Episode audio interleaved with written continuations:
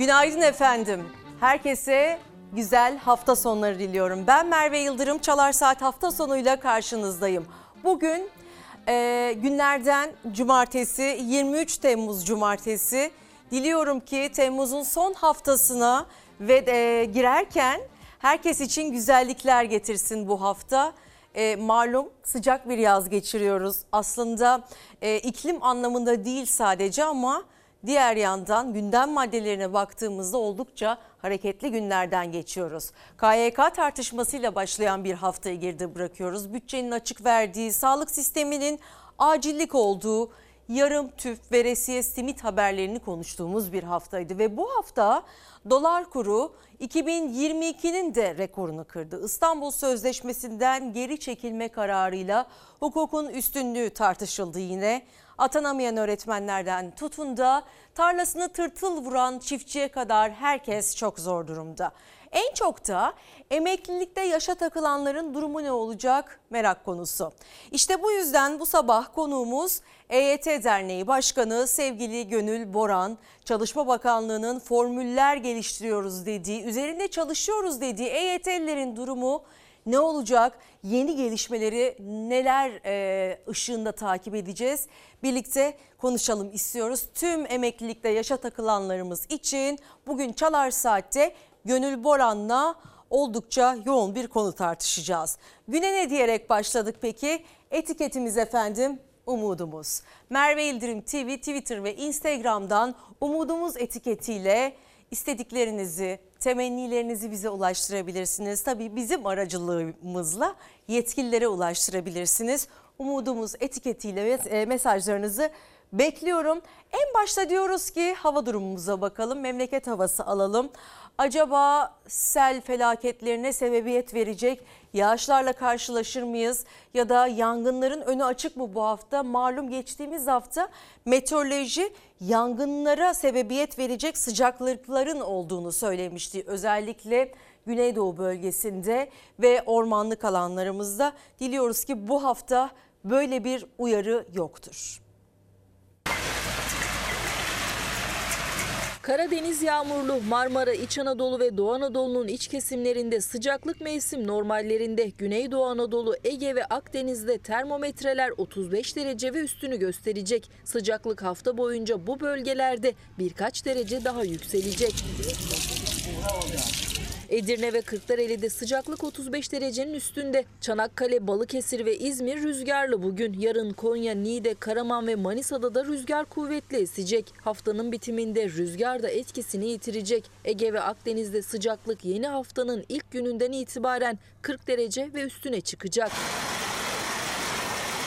Karadeniz bugün ve yarın yağmurlu hafta boyunca da yağmur almaya devam edecek. Kuvvetli yağacak yağmur. Bölgede sel riski yüksek. Su baskınlarına karşı tedbirli olunmalı.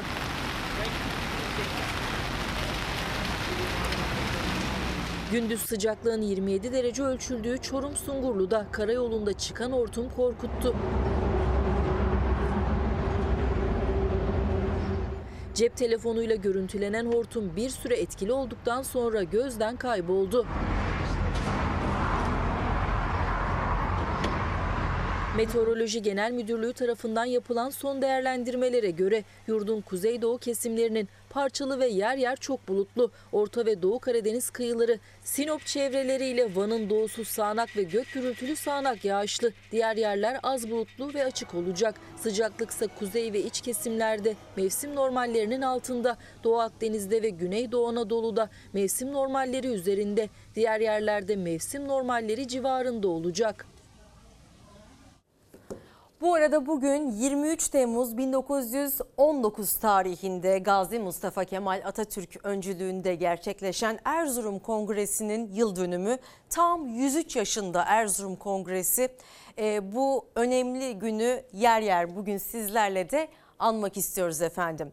E, geceden gelen bir sıcak haberle devam edelim. Maalesef Sarıyer'de bir kaza meydana geldi gerçekten gece vakti bir dehşet yaşandı diyebiliriz. Sürücünün kontrolünden çıkan kamyon yol üstünde bulunan bir gece kondunun çatısına uçtu ve enkaz altında kalan dördü yaralı toplam 5 kişi itfaiye ekiplerince kurtarıldı ama gerçekten büyük kazadan dönüldü.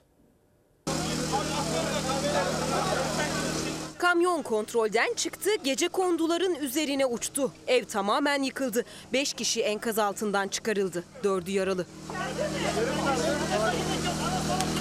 İstanbul Sarıyer'de gece vakti dehşet yaşandı. Bir kamyon gece 3 sıralarında sürücüsünün kontrolünden çıktı. Önce park halinde duran bir araca çarptı, sonra bir gece kondunun üzerinden geçerek bir başkasının çatısına düştü.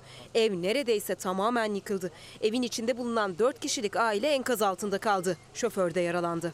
Buradan böyle bu binaya vuruyor. İlk önce bu gece kondunun üzerinden Aynen, geçiyor. Aynen. Aynen. Buradan da diğer gece kondunun üstüne Uçuyor. uçuyor abi. Kazanın yol açtığı yıkım günün aydınlanmasıyla daha net ortaya çıktı. İtfaiye ekiplerinin kurtardığı 5 kişiden 4'ünün tedavisi sürüyor. Hemen sizden gelen birkaç mesajı paylaşmak istiyorum. Karayolları taşeronları kadro bekliyor. Umudumuz kapsam dışı kalan tüm taşeronların kadro alması diyor izleyicilerimizden biri. Sezer Bey bir EYT'li kendisi. Emeklilikte yaşa takılan vatandaşlarımızdan biri. Diyor ki EYT'nin formülsüz çıkmasıdır umudumuz.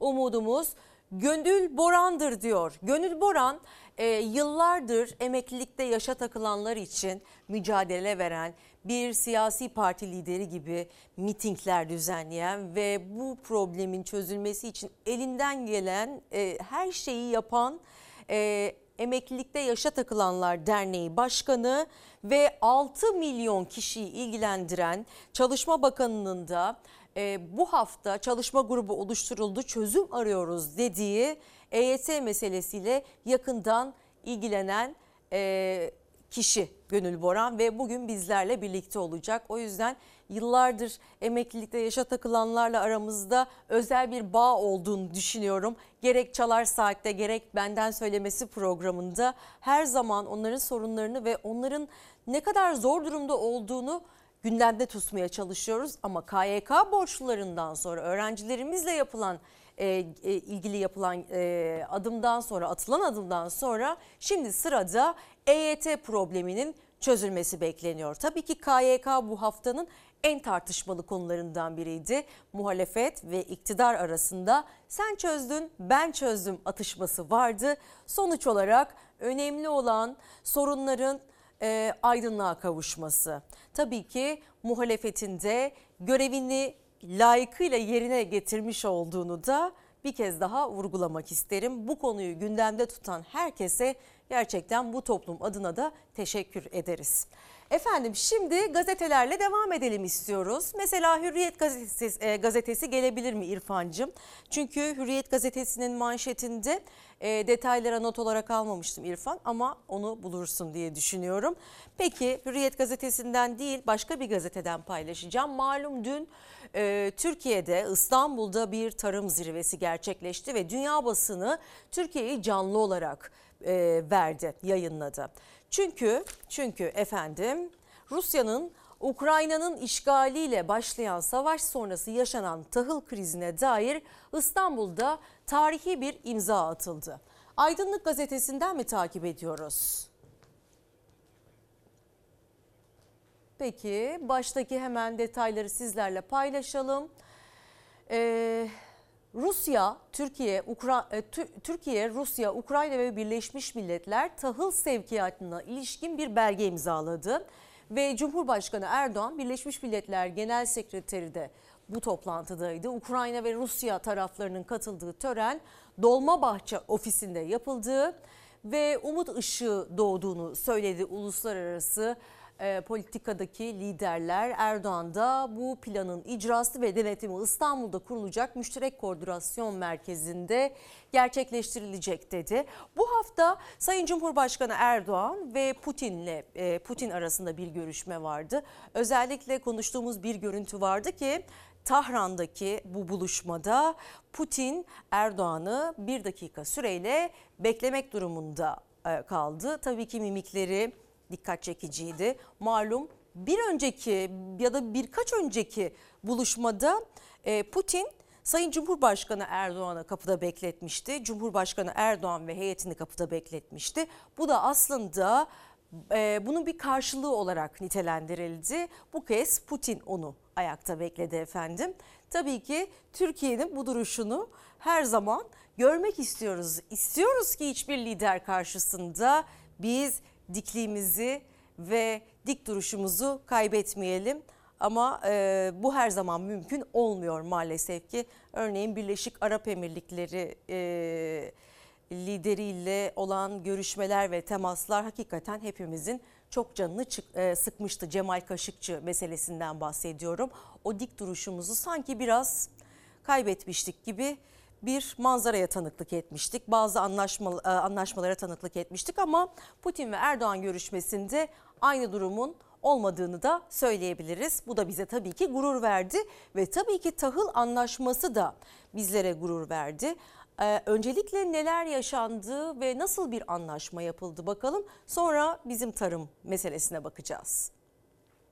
President His Excellency, the Secretary General of United Nations küresel gıda krizinin çözümünde büyük rol oynayacak bir girişime vesile olmanın haklı gururunu yaşıyoruz. Türkiye Birleşmiş Milletler'le arabulucu oldu. Rusya ve Ukrayna anlaştı. İstanbul'da atılan bu imza ile küresel tahıl krizinin çözümü yolunda dev bir adım atıldı. Rusya'nın Ukrayna'yı işgal girişimiyle başlayan savaşın önemli sonuçlarından biri gıda krizi oldu. Dünyanın en önemli iki tahıl üreticisinden Ukrayna güvenlik, Rusya'da yaptırımlar nedeniyle ürünlerini ihraç edemedi. Gıda fiyatları artışa geçti. Küresel gıda krizi büyürken Türkiye devreye girdi. Birleşmiş Milletler'le ortak hareket etti. Haftalar süren görüşmeler sonrası Karadeniz'de tahıl koridoru için Moskova ve Kiev arasında uzlaşma sağlandı. Taraflar tarihi imza için İstanbul'da buluştu. Sayın Antonio Guterres. Gemilerin çıkışından güvenli bir şekilde intikaline ve varacağı limana ulaşmasına kadar tüm süreçler üzerinde mutabakat tesis edildi. Dünyanın yakından takip ettiği anlaşmayı Cumhurbaşkanı Erdoğan, Birleşmiş Milletler Genel Sekreteri Guterres, Rusya Savunma Bakanı Shoigu ve Ukrayna Altyapı Bakanı Kubrakov imzaladı. Shoigu ve Kubrakov aynı masada buluşmadı. Önce Rus Bakanı imzaladı, salondan ayrıldı. Peşinden Kubrakov gelip imzayı attı. Önümüzdeki günlerde başlayacak gemi trafiğiyle Karadeniz'den dünyanın birçok ülkesine yeni bir nefes borusu açmış olacağız. Tahıl sevkiyatının koordinasyon merkezi ise İstanbul oldu. Anlaşmaya göre gemilerde ve silolarda bekleyen yaklaşık 25 milyon ton tahıl dünyaya taşınacak. Merkezde Türk, Rus, Ukrayna ve Birleşmiş Milletler yetkilileri bulunacak. Geçiş ve denetim buradan kontrol edilecek. Milyarlarca insanı bekleyen açlık tehlikesinin önünün alınmasına hep birlikte katkı sağlayacağız. Ukrayna'dan ilk geminin ne zaman yola çıkacağı belli değil. Birkaç haftayı bulabileceği belirtiliyor. Avrupa'nın bir başka kriz konusu ise enerji. Rusya'dan gaz akışının kesilmesiyle en büyük sıkıntıyı yaşayacak ülkelerin başında Almanya var. Almanya Dışişleri Bakanı gaz alamazsak Ukrayna'ya destek veremeyiz. Çünkü o zaman halk ayaklanmalarıyla meşgul olacağız dedi. Tabii dünyadaki tahıl krizini çözerken bir yandan da benim aklıma gelen tarım meselesi. Malum çiftçimizin maliyetlerindeki yıllık artış oranı %123 oranlarına yükseldi. Bu da Türkiye İstatistik Kurumu verileri. Gıda krizi kapıda. Dünya ile birlikte biz de bunun bedelini ödeyeceğiz. Bu hafta en çok konuşulanlardan ve tepki çeken konulardan biri de Tarım Bakanı'nın Venezuela e, Venezuela e, seyahatiydi ve özellikle oradaki tarım politikalarını e, övgüyle e, anlatırken Sayın Bakan maalesef e, Türkiye'ye yergiyle yaklaştı. İtalyem itirafı söz konusuydu. Dışa bağımlılığı aslında bir anlamda sözleriyle Vahit Kirişçi doğrulamış oldu. Maalesef oradaki meralara hayran kalarak oradaki tarım politikalarını e, övgü yağdırarak bizim durumumuzu da e, gündeme getirerek maalesef atılan yanlış adımları sanki başkası yapıyormuşçasına eleştirdi. Keşke bu eleştirileri Türkiye'de de e, duyabilsek. Keşke biz bu hale getirdik. Keşke biz dışa bağımlı e, hale geldik. Bunun için e, adımlar attık diyebilseydi ama maalesef Venezuela'da bu övgüleri yağdırırken Türkiye'deki durumu da e, gözler önüne sermiş oldu Sayın Bakan. Ve dışa bağımlılıkta söylediği önemli cümlelerden biri de şuydu. Pizzacıdan, burgerciden burger alıp alır gibi yem alıyoruz dedi. Acaba bu konuda yapacak e, pek çok şeyimiz varken niçin oturuyoruz diye bunu da buradan sormak istiyorum efendim tabii ki Sayın Bakanımıza, Sayın Vahit Kirişçi'ye de niçin yemleri biz dışarıdan ithal ediyoruz? Niçin dışarı e, dışa bağımlıyız diye bir kez daha sormak e, zorundayız diye hissediyorum. Ve Cumhuriyet gazetesinden bir detay gelsin. Örneğin işçimizle alakalı olan detayı da konuşurken aslında emeğin, üretiminin, üretimin, insan gücünün, insan alın terinin ne kadar ucuz olduğunu bir kez daha gözlemleyebiliyoruz. İşçi emeğine sahip çıkıyor. Soma faciasını biliyorsunuz. Manisa'da, Soma'da Soma Ege linyitleri incelemesi bünyesinde kömür üretimi yapılan açık ocak bölgesinin bir bölümünün özelleştirilmesine karşı işçiler nöbet usulü eylem ve imza kampanyası başlattılar ve Ankara'ya yürüyüşe geçen işçileri ne yazık ki jandarma durdurdu. Türkiye Maden İşçileri Sendikası Soma, e, Soma, e, Soma Şube Başkanı Şahin 17 yıl altyapısını yaptık. Şirketlere peşkeş çekilmesini istemiyoruz. Yoksa istedikleri fiyattan kömürü satacaklar. Bizim derdimiz ekmek, bizim derdimiz emek ifadelerini kullandı. Özelleştirme maalesef yoksulluktan başka bir şey getirmedi bu ülkeye. Örneğin şeker pancarı fabrikaları özelleştirilmesin diye defalarca yayınlar yaptık ve işi bilen tarım uzmanları, ömrünü tarıma, hayvancılığa adamış olan önemli gazeteciler, önemli e, emekçiler bu konunun çok yanlış olduğunu, özellikle ekonomistler de bu konuda çok tepki göstermişlerdi. Çünkü sonuçlarının iyi olmayacağını vurgulamışlardı. Ama şeker pancarı fabrikaları özelleştirildikten sonra şekere gelen zamları da biz tekrar konuşmak durumunda kaldık. Yani özelleştirilmeye aslında karşı olduğumuzdan değil, özelleştirme konusunda eksikliklerimiz olduğu için aslında bunun yanlış olduğunu gündemde tutmaya çalışıyoruz. Örneğin e, elektrik dağıtımı yapan firmaların özelleştirilmesinden sonra özellikle ormanlık alanlarındaki trafoların bakımlarının yapılmadığını ve bu e, trafoların herhangi bir yangına sebep olabileceğini bu hafta gündemde gördük. Bu konuştuklarımız arasındaydı. İşte işçilerimizin de özellikle özelleştirme konusunda vurguladığı başka bir pencerede bu. Yoksulluk demek özelleştirme diyerek e, Ankara'ya doğru yürümeye gayret ediyorlar efendim. Ve ne yazık ki onlar yürürken yollarını da jandarma kesiyor. Lan geçemezsin diyor. Ne demek geçemem? Hayır iyi bakıyorsun. Ben sakinim. Gelip de burada posta koyamazsın. Ayıp, ayıp. Soma'dan çıktık. Ankara yolundayız. Tek derdimiz ekmeğimiz. Kara elması korumak için Soma'dan çıktılar yola. Madenlerinin özelleştirilmesini istemeyen Somalı madenciler Ankara'ya doğru yürüyüş başlattı. Tek amaçları emeklerine sahip çıkmak. Ama yola çıkar çıkmaz da güvenlik güçlerinin engeliyle karşılaştılar. Ya gerginliğe o çıkarıyor. Niye böyle diyorsun ya? Ekmeğimizin, e, aşımızın peşindeyiz. Soma için buradayız. Manisa Soma'da Türkiye Kömür İşletmelerine bağlı Eynez Açık Ocağı'nın bir bölümünün özel şirkete devredilmesine karar verildi. Oysa o maden için madenciler yıllardır emek vermişti. Soma'da yer mi yok? Burada biz 17 senedir zaten altyapısını yaptık. Şu anda bu yenecek olan ballı kaymak oldu. Bugün Akdeniz nasıl mavi vatansa Somali içinde kara vatandır. Madenciler Enerji Bakanlığı ile görüştü ama özelleştirmeden dönülmedi. Yüz madenci eylem başlattı. Soma'dan Ankara'ya yürüme kararı aldı. Hiç Soma'ya gelmeden, Soma'nın ne olduğunu bilmeden, kömür çıkarmanın ne olduğunu bilmeden oturduğu yerden yetişemeyiz, çıkaramayız diyen bir bakanımız var.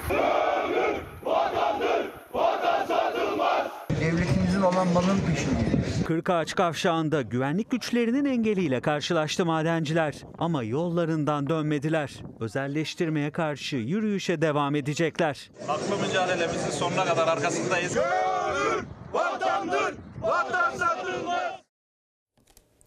Bu hafta ücretli öğretmenleri de konuştuk. Malum onların durumunda bir e, güzelleştirme oldu.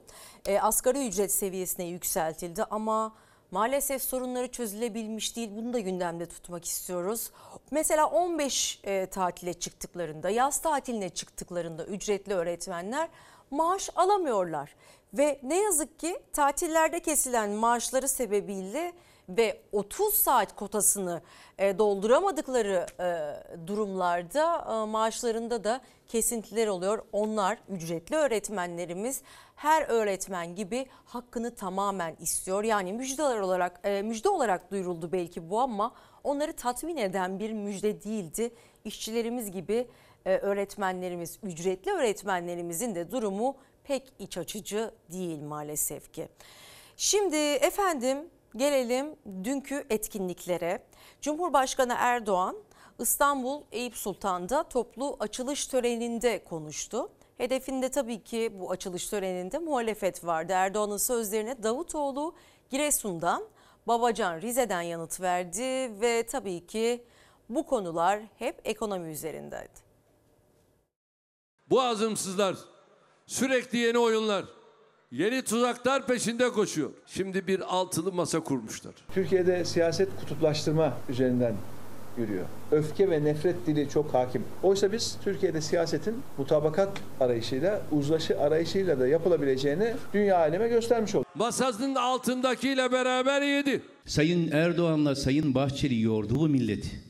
Her gün herkese terör. Kendisi Osman Öcalan'ı televizyona çıkaracak. Abdullah Öcalan'dan mektup getirecek. Terörle işbirliği olmayacak. Herkes terör. Cumhurbaşkanı Erdoğan'ın altılı masayı eleştirmesine HDP'yi ima ederek masanın altındakiyle 7 parti sözlerine muhalefet liderlerinin yanıtı. Cumhurbaşkanı seçim mesajlarını yine 2023 üzerinden verirken Davutoğlu bir kez daha Kasım ifadesini kullandı. Dağ göründü. Bu dağki ne biliyor musun? Seçim sandığı, seçim sandığı. Bu kış çok çetin geçecek. Enerji fiyatları, gittikçe artan yoksulluk, fakirlik, fakirlik, fakirlik her yerde feryat. Akıllılarsa biraz Kasım'da seçime giderler. 2023'ün zaferi tüm dünyaya bir mesaj olacaktır. Bahara kalırsa o bahar var ya, o bahar Türkiye'nin baharı olacak. Bu şehre, bu ülkeye eser verene, hizmet edene ne mutlu. Bay Kemal musluk açma töreni yapıyor. Cumhurbaşkanı Erdoğan İstanbul Eyüp Sultan'da toplu açılış töreninde konuştu. Muhalefeti hedef alırken isim vermedi ama hedefinde Ekrem İmamoğlu da vardı. Bizler de görüyorsunuz işte bu tür eserlerle sizlerle beraber oluyoruz. Bizim nazarımızda belediye başkanlığı işte bu anlayışla yapılabilecek bir vazifedir. Bu işi ajandasındaki diğer konulardan arta kalan vakitlerde icra edilecek bir hobi olarak görenlerin takdirini biz sizlere bırakıyoruz. Ben çizmemi afet sonrası değil, gösteriş olsun diye değil, afet olduğunda vatandaşlarımız zarar görmesin diye öncesinde altyapı çalışması yaparken giyiyorum. İstanbul kendine hizmet edenleri baş tacı yapmayı bildiği gibi ihmal ve ihanet edenleri tarihe gömmeyi de çok iyi bilir. Her geçen günle seçim yaklaşırken siyasetin tansiyonu daha da yükseliyor. Siyasetin tansiyonu yüksekken geçtiğimiz aylarda alınan kararla e, Canan Kaftancıoğlu'nu oldukça fazla konuşmuştuk. Ruat Mengi'ye konuşmuş Sözcü gazetesinden. CHP'li Canan Kaftancıoğlu siyasi yasak sonrası ilk kez Ruat Mengi'ye konuştu. İddialı söylüyorum büyük farkla iktidardan gidecekler dedi. 9 yıl önceki mesajları sebebiyle hapse çarptırılıp siyasi yasak getirilen Kaftancıoğlu muhalif seslerinde susturulduğunu söyledi. Yargı Cumhur İttifakı'nın cezalandırılma aracı haline dönüştürüldü. O kadar suça batmışlar ki hukuku uygulamıyorlar dedi. Çok iddialı şekilde söylüyorum. Tahmin, ede, e, tahmin edeceğinizin çok üstünde bir farkla iktidardan gidecekler. İster Sadat ister Vehhabiler olsun o seçim olacak. Halk bu iktidarı görecek diye sözlerine devam etti. Cumhurbaşkanı Erdoğan resmi temaslarında tercümanlık görevi yapan Fatma Kavakçı e, meselesiyle alakalı yeniden gündemde. Kendisi için hanım kızımız diyen CHP lideri Kılıçdaroğlu hakkında da suç duyurusu bulundu. İşte hanım kız tartışması ve beraberinde gelen yargı yolculuğu. Ya utanmaz adamlar. Hanım kız bizim Anadolu'da kadınları onur etmek için, onlara değer vermek için söylenen bir söz. CHP Genel Başkanı Kemal Kılıçdaroğlu'nun sosyal medya hesabı üzerinden müvekkilimiz Fatima Kavakçı'yı ifa ettiği kamu görevi nedeniyle hedef alarak nefret ve tehdit diliyle yaptığı saldırılara karşı Ankara Cumhuriyet Başsavcılığına suç duyurusunda bulunduk. Ne dava açarlarsa açsınlar biz bunun peşini bırakmayız. Cumhurbaşkanı Erdoğan'ın resmi temaslarında tercüman olarak görev yapan Fatima Kavakçı, Abuz Hanaba Kavakçı CHP lideri hakkında suç duyurusunda bulundu. Ayrıca çevirmen hanım kızımızdan yüz binlerce Afgan sığınmacının ülkemize gelmesine yol açan o toplantıda Biden'la neler konuşulduğunu seçimlerden sonra devletimize açıklamasını talep edeceğiz.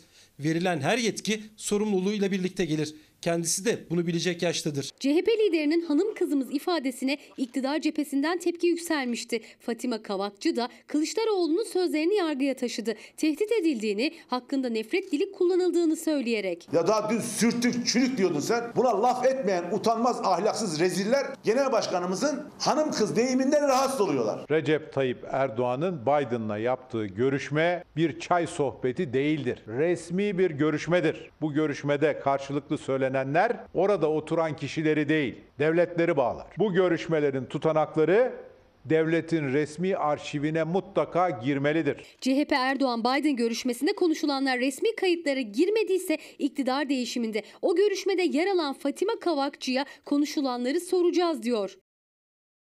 Yeni Çağ gazetesinden Meral Akşener'in açıklamalarını takip edeceğiz. 10 liralık peynirle 8 nüfus doyar mı? İyi Parti lideri Akşener Samsun'da yaptı bu e, açıklamayı. Bu konuyu gündeme Samsun'da getirdi. Ekonomik zorluklarını dile getiren vatandaşın iş yok, işsizim, 8 nüfusluyum, 10 liralık peynir alıyorum biri yerse biri bakıyor sözleri gözleri yaşarttı maalesef. Ve bu haberde aslında sıradaymış. Dilerseniz haberden takip edelim.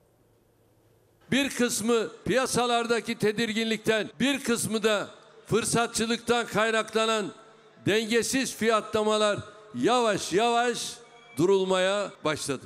Milletimden biraz daha sabır ve verdiğimiz mücadeleye daha güçlü destek bekliyorum. 8 nüfusum 10 liralık peynir alıyorum başkanım.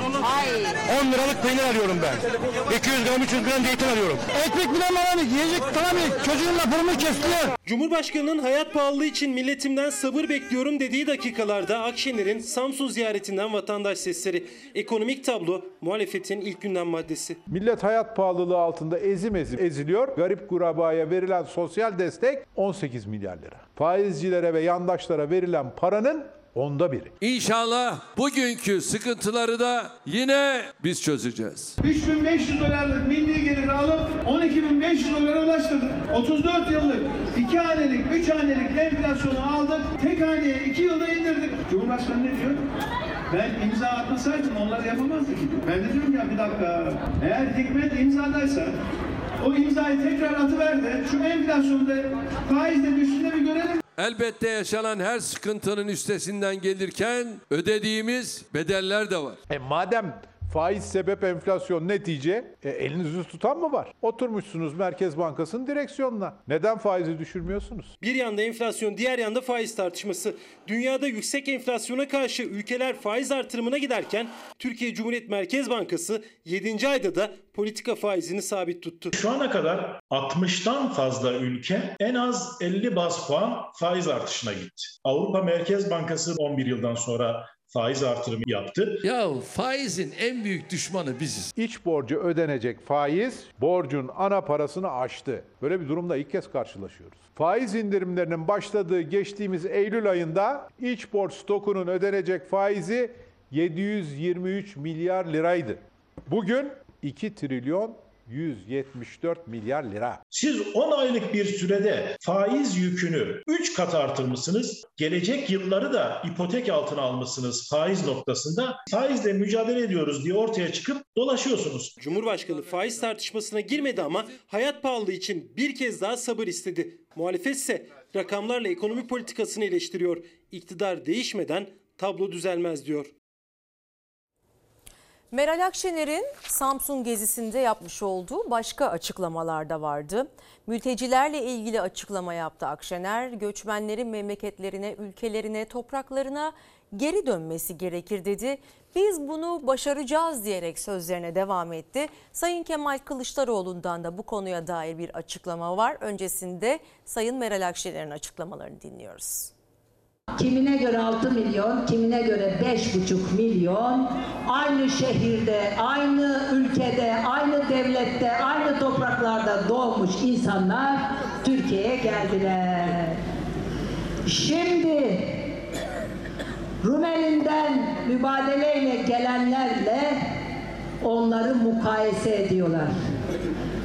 Balkanlar 1400'lü yıllarda Türkler tarafından fethedildi cahiller. Hepimiz Anadolu'dan gittik. İstanbul fethedilmeden Anadolu'dan bizi bizi Osmanlı evladı Fatihan diye gönderdi. Ondan sonra Osmanlı yıkıldı, kayboldu o topraklar. Mübadeleyle Türkler geri döndü.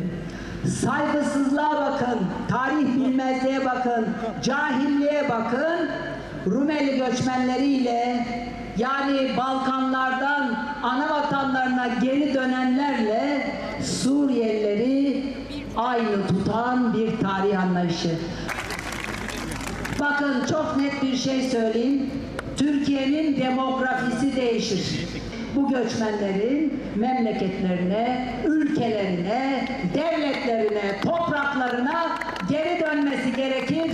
Biz de bunu başaracağız, yapacağız inşallah. Bu arada e, CHP lideri Kemal Kılıçdaroğlu'ndan bak e, Süleyman Soylu'nun 700 bin Suriyeli bebek açıklamasına dair bir e, cevap vardı. Bu bebekler yıkık dokuk, yıkık dökük Suriye'nin zenginliğidir demişti e, Sayın Soylu ve Suriye'nin yeniden ayağa kalkması için evlatları vatanına dönmelidir dedi. Özür diliyorum Kılıçdaroğlu e, bu açıklamayı yapmıştı. 700 binin üzerindeki Suriyeli kardeşimiz bu topraklarda dünyaya geldi dediğinde Sayın Süleyman Soylu'nun ardından bu açıklamayı yapmıştı. E, Kemal Kılıçdaroğlu dört adımlı bir e, eylem planı hazırladıklarını gündeme getirdi Kemal Kılıçdaroğlu ve iktidara geldiğimizde bu meseleyi de çözeceğiz diyerek sözlerine devam etmişti. Tabii haftanın en önemli ve en tartışmalı konularından biri KYK meselesiydi. Kredilerle okuyan ve kredi borçlusu olan, devlet kredisine e, borçlanan e, milyonlarca mezun öğrencimizin sorunu çözülecek mi, çözülmeyecek mi diye beklerken kabine toplantısını beklerken pazartesi günü yapılacak kabine toplantısını bu e, konuyla ilgili karar çıktı ve 3 milyon 157 bin genci ilgilendiren ana para müjdesi geldi. 26 milyonluk yükü aldık dedi Sayın Cumhurbaşkanı Erdoğan. Tabii bunun öncesi oldukça hareketliydi. Çünkü bu konuyu gündeme getiren kişi CHP lideri Kemal Kılıçdaroğlu'ydu. Özellikle sosyal medyada etiketler açıldı. Herkes teşekkürler Kılıçdaroğlu diye aslında bu sorunun onun sayesinde çözüldüğüne dair yorumlar getirdi. Tabii bir yandan da 3 milyon öğrenciden ses çıkaranlar da oldu. Çünkü iddialar ortaya atıldı. Örneğin faizin de ana paraya et, e, eklendiğini söyleyen e, öğrenciler oldu. Özellikle yine sosyal medyada ama e, öğrenciler aslında bu konudan da tatmin olmuş değil. KYK borcuna uygulanan faiz silindi ve öğrenciler mezunlar sadece ana parayı ödeyecek ama muhalefet ısrarcı olmasaydı iktidarın böyle bir adım atmayacağı konusunda çokça açıklama var. Tabii bir yandan da e, öğrenciler aynı zamanda e, borçlarla ilgili başka meseleler de bekliyordu. Örneğin iş garantisi olduğu zaman bu borçlarla yüz yüze kalabileceklerine dair bir düzenleme istiyorlardı. Böyle bir düzenleme çıkmadı. Cumhurbaşkanı bu açıklamalara e, karşı çıkmıştı. Özellikle CHP ile ilgili açıklamalara. Şimdi bu konuyla ilgili gelişmeleri takip ediyoruz. Özellikle Erdoğan'ın 3 yıl önceki açıklamaları e, CHP tarafından, e, CHP liderinin danışmanı Deniz Demir tarafından paylaşıldı. Ve sonrasında da e, KYK'lılarla alakalı bakın hangi gelişmeler yaşandı. Kredi geri ödemelerinin herhangi bir enflasyon farkı veya faiz uygulaması olmaksızın sadece alınan kredi rakamı üzerinden yapılmasını kararlaştırdık. Yani ana para. Kılıçdaroğlu vaat etti Erdoğan yaptı tartışmalarının arasında KYK faizi ortadan kalktı ama 3 yıl önce Erdoğan'ın faiz silinecek mi sorusuna verdiği yanıt CHP liderinin danışmanı Deniz Demir'in paylaşımıyla gündeme geldi. Bay Kemal gibi cevap verirsek sildim gittim der. Erdoğan gibi cevap verirsem ben 82 milyonun hakkının olduğu bir parayı korumak uğruna bunu vermem lazım. Ne oldu? Erdoğan gibi cevap verdi. Bay Kemal gibi sildi. Hani Bay Kemal gibi konuşamazdın. Bak Bay Kemal gibi yapmak zorunda kaldın. Milyonlarca üniversite öğrencisi ve mezunu KYK borçlarının üzerine binen yüksek üretici enflasyon nedeniyle iktidardan bir adım bekliyordu. Muhalefet vaat etti. Kılıçdaroğlu borcunuzu ödemeyin biz iktidara geldiğimizde faizi sileceğiz dedi. Bir hafta sonra Cumhurbaşkanı Erdoğan düzenlemeyi açıkladı. Öğrencilerimiz de artık sadece aldıkları kredi rakamı kadar sorumlu olacaklar. KYK'da halloldu. Cumhuriyet Halk Partisi'nin ısrarlı takibi sonucunda. En son Bay Kemal'in KYK ile ilgili söylediklerini duydunuz. Ondan sonra da ben söyledim yaptı noktasına geldi. Hep öyle oldu zaten. O söyledi ben de yaptım. Kılıçdaroğlu vaat etti. İktidar KYK faizini sildi açıklamalarına Erdoğan böyle tepki göstermişti. CHP liderinin danışmanı Deniz Demir, Cumhurbaşkanı'nın 3 yıl önceki sözlerini gündeme getirdi. Tarih 18 Mart 2019. Seçim özel programında bir üniversite öğrencisi KYK borçlarına uygulanan enflasyon farkını soruyor. KYK borçlarının affı veya herhangi bir indirimi var mı? Ee, bunun hakkında bir bilgi almak istiyorum. Bu soruya iki türlü cevap verilir. Bir Bay Kemal gibi cevap verilir. Bir de Tayyip Erdoğan gibi cevap verilir. Bay Kemal gibi cevap verirsek sildim gittim der. Hallederiz. Ama ben Erdoğan gibi cevap vermem lazım. Erdoğan gibi cevap verirsem ben 82 milyonun burada hakkının olduğu bir parayı korumak uğruna bunu vermem lazım. O gün CHP lideri gibi konuşamam diyerek kredi borcuna uygulanan enflasyon farkının silinmeyeceğini söylüyor Erdoğan. 3 yıl sonra faizler silindi. İyi ki öğrencilerimizin Kemal amcası var. Kemal Kılıçdaroğlu olmasaydı bu KYK faizleri silinemezdi. Bu arada bütçe açığı tam 31 milyar dolara ulaştı. Yarım tüp veresiye simit döneminden geçerken kur, kur korumalı mevduat sistemini konuşmaya devam ediyoruz. Doların 18 liranın üzerine çıktığı 21 Aralık 2021 günü açıklanmıştı KKM ve amaç kuru sabit tutmak Türk lirasını korumakta. Ama gelinen süreçte kur korumalı sistem bir tek Türk lirasını koruyamadı. Dolar kuru 17 lira 70 kuruşun da üzerine çıktı. Bunun hazineye faturası her geçen gün katlanıyor.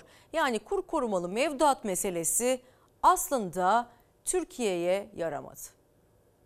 İlk 6 ayda hazine kasasından bir avuç mevduat sahibine tam 37 milyar 235 milyon lira faiz ödendi. KKM ayrıca döviz kuru istikrarına da katkı sağlamıştır. Döviz kuru üzerindeki baskıyı, ateşi söndüremiyorsunuz. Kurlar bugün yine 17 lira 75 kuruş seviyesinde 18 liraya doğru ilerliyor. Türk lirasının değerini korumak için uygulamaya konuldu kur korumalı mevduat sistemi ama kur tutulamadı. Dolar 17 lira 70 kuruşun üzerinde Türk lirasındaki erime sürerken KKM'nin hazineye 6 aylık faturası 37,2 milyar lira. Tabi buna kur korumalı mevduatı tatlandırmak için vazgeçilen 10 milyar liralık vergi de dahil değil. Kur korumalı mevduat kurun üzerindeki ateşi almakta başarılı olmadı.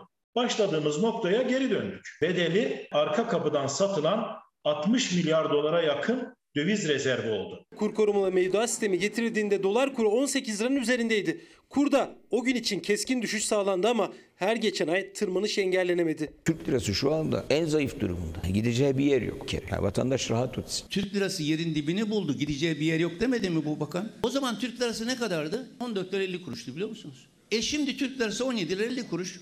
Mağmaya doğru indiriyorlar Türk lirasını. Yerin dibine değil Mağmaya kadar götürecekler Türk lirasını. 1 Ocak'tan bugüne Türk lirasındaki değer kaybı %30. Mevduatını kur korumalı sisteme yatıranların kazancı ise büyük. Bütçeye 40 milyar lira ödenek koydular. Bunun da yetmeyeceğini söyledik. Yılın geriye kalan kısmında yapılacak ödemeler de dikkate alındığında kurlar bugünkü seviyesinde kalsa bile 150-200 milyar liraya yakın olacaktır. Burada vazgeçilen kurumlar vergisi ve vazgeçilen gelir vergisi stopajı da dahil değildir. Bu uygulamanın neyiyle övünüyorsunuz? Merkez Bankası'nın yıl sonu dolar kuru tahmini 18 lira 99 kuruş. Orada kalır mı daha da çıkar mı bilinmiyor. Muhalefet kur korumalı sistemin hazineye yükünün daha da ağırlaşacağına dikkat çekiyor. Maalesef e, kur korumalı mevduatla alakalı daha da tartışılanlar var. Özellikle e, aslında konuşmamız gerekenlerden biri de refah kaybı ve Türk lirasındaki değer kaybı. Çünkü tarihin en e, yüksek kayıplarına sebep oldu maalesef bu uygulama. Ve bütçemiz açık verirken bu da bütçemize ek bir, ilave bir borç demek. Hepimizin cebinden çıkıyor bu paralar ve yanlış politikalarla maalesef e, ekonomi uzmanlarını, bilimi dinlemeden hareket edilen ve atılan adımlarla biz açık vermeye ve hiçbir şeyde telafi etmemeye devam ediyoruz. Sayın Nebati'nin yapmış olduğu açıklamalara bakarsak e, eğer ekonomiyi ve bilimi birazcık böyle bilmeyen birisi için her şey güllük gülistanlık. Ama gerçekten verileri incelediğinizde bilim ışığında ilerlediğinizde KKM'nin ne kadar korkunç bir zarar verdiğini de gözlemleyebiliyorsunuz efendim. Bunu da unutmayalım. Ve bir başka detay Bir Gün Gazetesi'nden bu da aslında ekonomi penceresinden her zaman e, gündemde tuttuğumuz başka bir konu. Güç kalmadı, kepenk indi. Kepenk indi. 2022 yılının ilk 6 ayında kapanan şirket sayısı tam 10 bini aştı. 2021 yılı Haziran ayına oranla kapanan şirkette artış %115 oldu. Yılın ilk 6 ayında kapanan inşaat şirketi 886. 2021'in ilk 6 ayına göre kapanan şirketlerdeki artış %115. Haziran ayında kapanan şirket sayısı 2,7 bin ve kapanan şirket sayısındaki aylık artış %32. Aylık artışa baktığımızda zaten daha net anlayabilirsiniz. Daha kolay bir hesap olduğu için ve inşaat sektörü çok borçlu. İnşaat sektörünün borcu tam 513,5 milyar liraya yükseldi. İnşaat tepe taklak oldu. Aslında konut krizinde yaşadığımız şu günlerde konut krizinin de çözülmesine dair bir umut ışığının pek görünmediğini de söylememiz mümkün. Özellikle vatandaşın barınma ihtiyacına yönelik adımların atılmasını bir an önce bekliyoruz. Ama e, bu arada başka bir istatistik var ki konut satışlarında bir patlama yaşanıyor. Bu konutları kim alıyor dersiniz efendim? Tabii ki yabancılar. Çünkü Türkiye Cumhuriyeti'nde konut satın aldığınızda belli bir seviyede vatandaşlık hediye ediliyor. Bu da aslında bu politikanın ne kadar e, yaralayıcı olabileceğini gösteriyor. Türkiye Cumhuriyeti vatandaşlığı bu kadar ucuz olmamalı ve bu kadar ucuza satılmamalı diye düşünüyorum. Türkiye Büyük Millet Meclisi AK Parti Grup Başkanı İsmet Yılmaz bir dizi ziyaret için bulunduğu Adıyaman'da konuştu. Her şey güllük gülistanlık değil ama aşacağız dedi. Sözlerine bakın nasıl devam etti. Her şey güllük gülistanlık değil, hayat pahalılığı var, sıkıntı var. Bunu görüyoruz, bunu biliyoruz. Ama bunun için de elimizden gelen neyse de onu yapıyoruz. Vatandaşa etkilerini azaltmak için. Ama çok net olarak Türkiye'de bir ekonomik kriz yok. Organize sanayileriniz dolu mu? Organize sanayinin dolu olduğu yerde bir ekonomik krizden bahsedilebilir mi? Her gün yeni bir yatırım için sizden yer isteyenler var mı? İşsizlik artıyor mu? Yani İstihdam artıyor mu? 30 milyon. Son iki yılda 5 milyonun üzerinde 2002-2020 Nisan'ından bu yana 35 milyonun üzerinde istihdam oluştu. Allah için kriz olan yerde fabrikalar kapatın. Kriz olan yerde işsizlik artar. Bizde öyle değil. Yeni yeni fabrikalar açılıyor. Yeni yeni organize sanayi bölgeleri açılıyor. Sivas'ta da öyle, Antep'te de öyle, Adıyaman'da da öyle, Urfa'da da öyle, Kayseri'de de öyle. Dolayısıyla da yatırımcımızın Türkiye'nin geleceğine olan inanç en yüksekte. Hiç şüpheniz olmasın. işsizlik sorunumuz da var. Hayat pahalılığı sorunumuz da var. Fakat bunları e, aşarız hep. Yani umudumuz tabii ki İsmet Yılmaz'ın anlatmış olduğu gibi bir ülkede yaşamak. Bu etiketle de ben temennimi dile getireyim. Ama e, işsizlik oranlarından galiba Sayın İsmet Yılmaz'ın haberi yok. Eğer haberi yoksa ve bunu iddia ediyorsa, işsizlik olmadığını iddia ediyorsa devletin resmi kurumu Türkiye İstatistik Kurumu'nda yalanlamış oluyor kendisi. Oldukça derin bir muamma var. En azından Türkiye İstatistik Kurumu verilerini takip ederse Sayın İsmet Yılmaz durumun vehametini anlayabilir diye düşünüyorum. Efendim şimdi de 9 Sütun gazetesinden başka bir detay paylaşalım. Sağlıkçıların meselesi halen çözülmedi. X-ray cihazlarının konulması gündemdeydi şiddetin önüne geçmek için ve bunun yeterli olmadığını söylüyordu sağlık çalışanları. Sağlıkçıya şiddetin önüne geçilemiyor maalesef ki. Haziranda tam 32 şiddet vakasında 42 sağlık çalışanı mağdur oldu. Sağlık ve Sosyal Hizmet Çalışanları Sendikası Genel Başkanı Durmuş, cezalar artırılmasına rağmen caydırıcı olmuyor dedi. Ve maalesef Sağlık Sen'in Haziran ayı sağlıkta şiddet raporuna ilişkin bir açıklama yapıldı. Maalesef ki kamuoyunun neredeyse her gün ses getiren bir şiddet olayına şahitlik ettiği belirtildi raporda. Örneğin Doktor Ekrem Karakaya'nın görevi başındayken bir hasta yakınının silahından çıkan kurşunlarla katledilmiş olması da yeniden hatırlanmış oldu. X-ray yaygınlaşmalı diyor sendika ama tabii ki tüm sağlık merkezlerindeki tüm sağlık çalışanları da sadece X-ray ile alınacak önlemlerin yeterli olmadığını vurguluyor. Sağlıkta yaşanan tek problem bu değil. Aslında sağlık sistemi tam anlamıyla acil alarm veriyor. Yani sanki bir acil servis gibi tüm hastaneler. Çünkü randevu çilesi devam ettiği için insanlar akın akın acil servislere tedavi olmak için koşmak durumunda kalıyor. Çünkü sadece bir röntgen için bile 5 ay beklemek zorundalar. Ameliyat sıraları 5-6 ay sonrasına, 3 ay sonrasına atılıyor. Örneğin geçtiğimiz günlerde yapılan hastane önünde yapılan bir röportaj vardı. Benim aklımda kaldı. Safra kesesi patlayan bir vatandaş 3 ay sonrasında ameliyat olmak için beklemek durumundaydı. Milyonlarca vatandaşımızdan biriydi. Yani eğer parası yoksa bir vatandaşın devlet hastanesinde ameliyat olma şansını birkaç ay sonra yakalamak durumunda. Maalesef sağlık sisteminde gelmiş olduğumuz son nokta bu. İsterseniz hastanelerdeki randevu çilesine bakalım birlikte. Bakın vaziyet nasıl? 182'den randevu alın diyor ama alamıyoruz ki. Nasıl alacaksın? Bir haftadır arıyorum 182'de randevu yok. Randevu bulamadığınız için mi acile geldiniz? Evet öyle. Randevum yok. Ee, ilaç yazdıracağım. Yazdırabilirsem. Buraya geliyorlar çaresizce. Burada kalabalığı arttırıyorlar. Çok da faydamız dokunamıyor maalesef.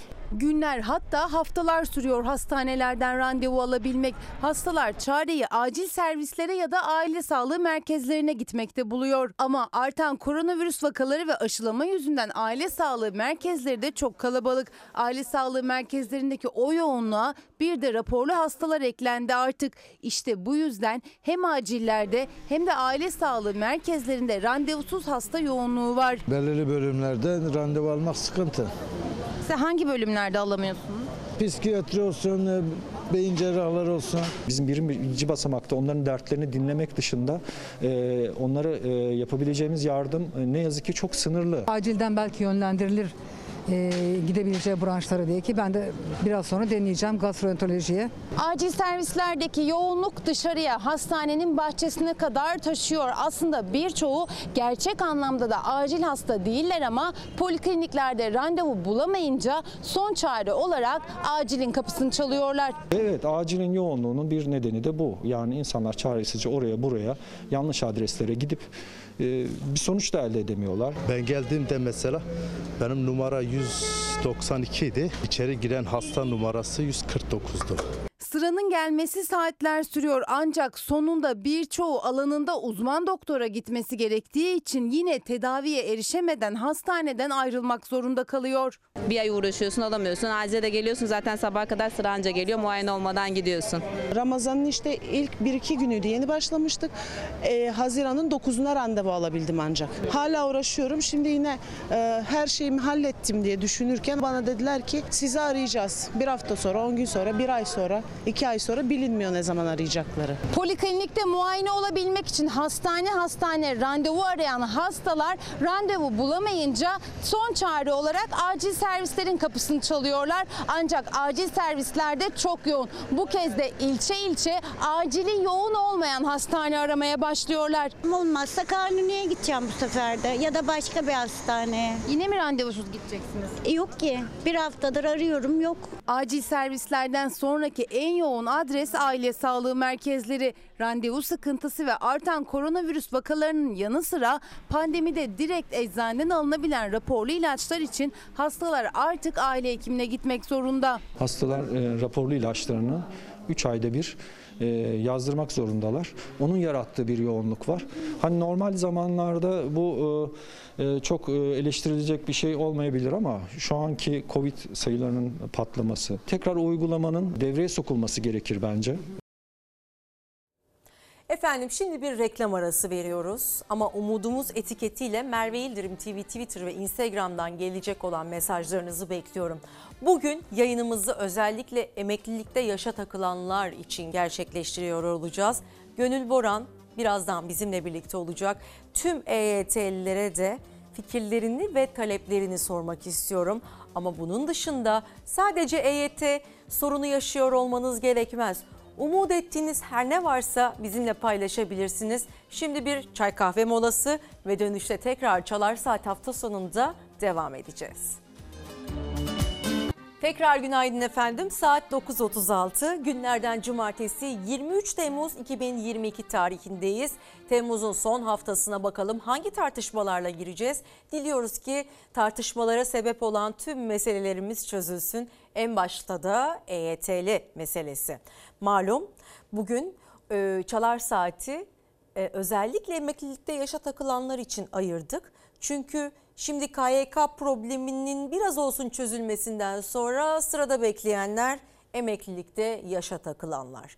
E, Emin Özdoğan diyor ki umudumuz da biterse hiçbir şeyin anlamı kalmaz.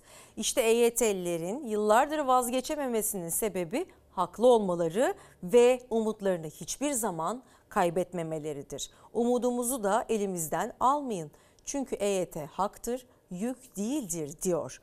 Ve Ahmet Cavcav diyor ki Ahmet Cavcav diyor ki şaşırdım. Hanım kızım suç sayılarak dava açılmış. Bence çok ayıp. Saray e, ne yaptığını bilmiyor, yaptırdığını herhalde artık bilmiyor diye e, siyasi tartışmalarımıza konu olan e, hanım kız meselesine yorum getirmiş. Havva Hanım diyor ki umudumuz hiç yok, gören de duyan da duyuran da yok. Şehit sayılmayan Şehit Aileleri Derneği'nden yazıyor.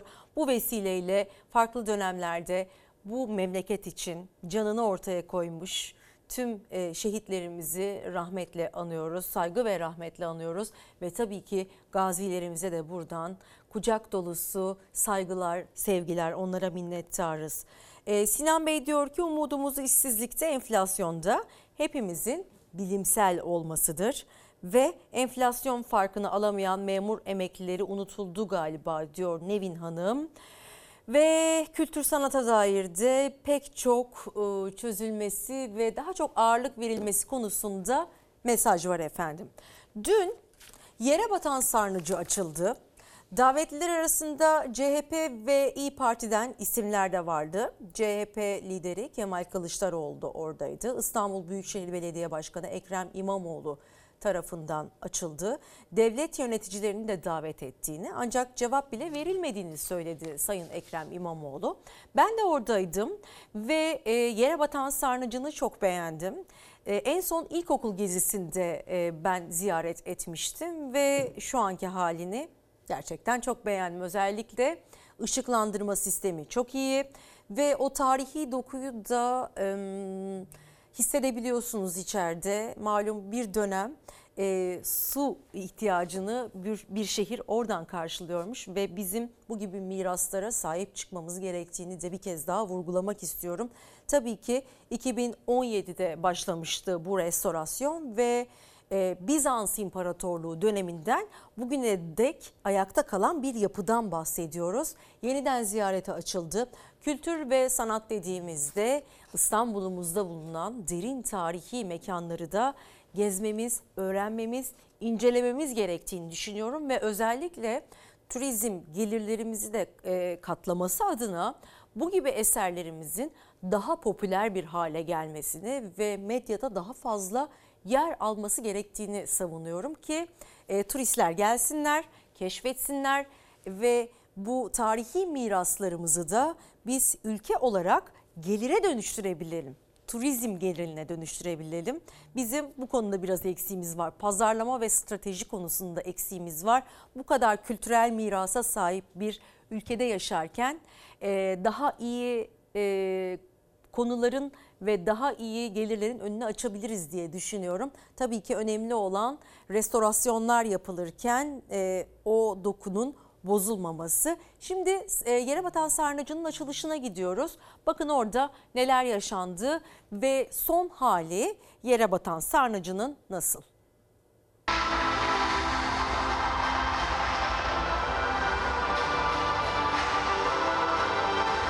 Maalesef bizden önceki dönemlerde hem belediyemiz hem de diğer kamu kurumları tarihi eserleri koruyalım derken ne yazık ki tahrip eden bazı işlere imza atıldı. Müzemizin genelinden tam 1500 ton tutan devasa miktarda çimento harç malzemesini temizledik ve dışarıya taşıdık. Tarihi yere batan sarnıcının 2017'de başlatılan restorasyonu tamamlandı. Bizans İmparatorluğu döneminden bugüne ulaşan kültür mirası 1500 yaşındaki yere batan sarnıcı yeniden ziyarete açıldı. Bu güzel eserin restorasyon sonrasını sizlerle paylaşmaktan elbette büyük bir heyecan duyuyoruz. Hepinizin huzurunda belediye başkanımıza yürekten teşekkür ederim. Böyle güzel bir eseri yeniden İstanbulluların ve dünyaya kazandırdığı için. Düzenlenen açılış törenine CHP Genel Başkanı Kemal Kılıçdaroğlu, CHP Genel Başkan Yardımcısı Seyit Torun, İstanbul Büyükşehir Belediye Başkanı Ekrem İmamoğlu, CHP İstanbul İl Başkanı Canan Kaftancıoğlu ve İyi Parti İstanbul İl Başkanı Buğra Kavuncu katıldı. Bugün burada yaptığımız açılışa her zaman olduğu gibi devletimizin bütün yöneticilerini, başta Kültür ve Turizm Bakanımız olmak üzere İstanbul Valisini bütün detayıyla beraber kamu kurum kuruluşlarının yöneticilerini buraya davet etmiştik. Tabii ki tahmin edebileceğiniz gibi davetimize ne cevap ne de bir icabet sağlandı. Lakin buraya kadar her şey normal ama basından öğrendik ki yine tam da bugün e, ve tam da bu saatte Sayın Bakan ve Bakanlık bizden ilham alarak bir açılış yapmaya karar vermiş. Üstelik bugün yani tam bu saatte e, Sayın Cumhurbaşkanı'nın katılımıyla beraber İstanbul Arkeoloji Müzesi'nin açılışını yapıyorlar. Sayın Başkan, belli yerlere davet edilmediğini ifade etti. Bir ülkeye değil, kadim İstanbul kentine biz ihanet ettik diyen kişiler o hançeri çıkarmaya çalışan belediye başkanını yanlarında görmek istemezler. Siz hançeri çıkarıyorsunuz bir bir kadim kültürü yaşatmaya çalışıyoruz. Açılışa katılanlar daha sonra yere batan sarnıcında incelemelerde bulundu. Bu arada yere batan e, sarnıcına eğer gidecekseniz topuklu ayakkabı giymeyin. Çünkü e, yerde böyle minik minik demirler var ve yürümeniz imkansız hale geliyor. Ee, içeride bir şey dikkatimi çekti. Şimdi e, nem oranı çok yüksek olduğu için tabii ki altındaki sulardan dolayı e, yukarıdan bazen sular damlayabiliyor ama bu restorasyonla alakalı bir sıkıntı değilmiş. E, bunu belirtmek isterim. E, nem oranının yüksekliğinden kaynaklı bir durum. E, bunu da e, size şimdiden söylemiş olayım efendim. Ben beğendim. İstanbul'umuza hayırlı uğurlu olsun. Keşke arkeoloji müzesinde de muhalefet ve iktidarı yan yana görebilseydik. Keşke yere batan sarnıcında da muhalefet ve iktidarı yan yana görebilseydik. Çünkü bunlar bizim ortak değerlerimiz ve bu konuda rekabet olmaması hepimizin e, lehine olur diye düşünüyorum. Hepimiz bu gururu ve mutluluğu, bu gibi gurur ve mutlulukları bir arada yaşamalıyız.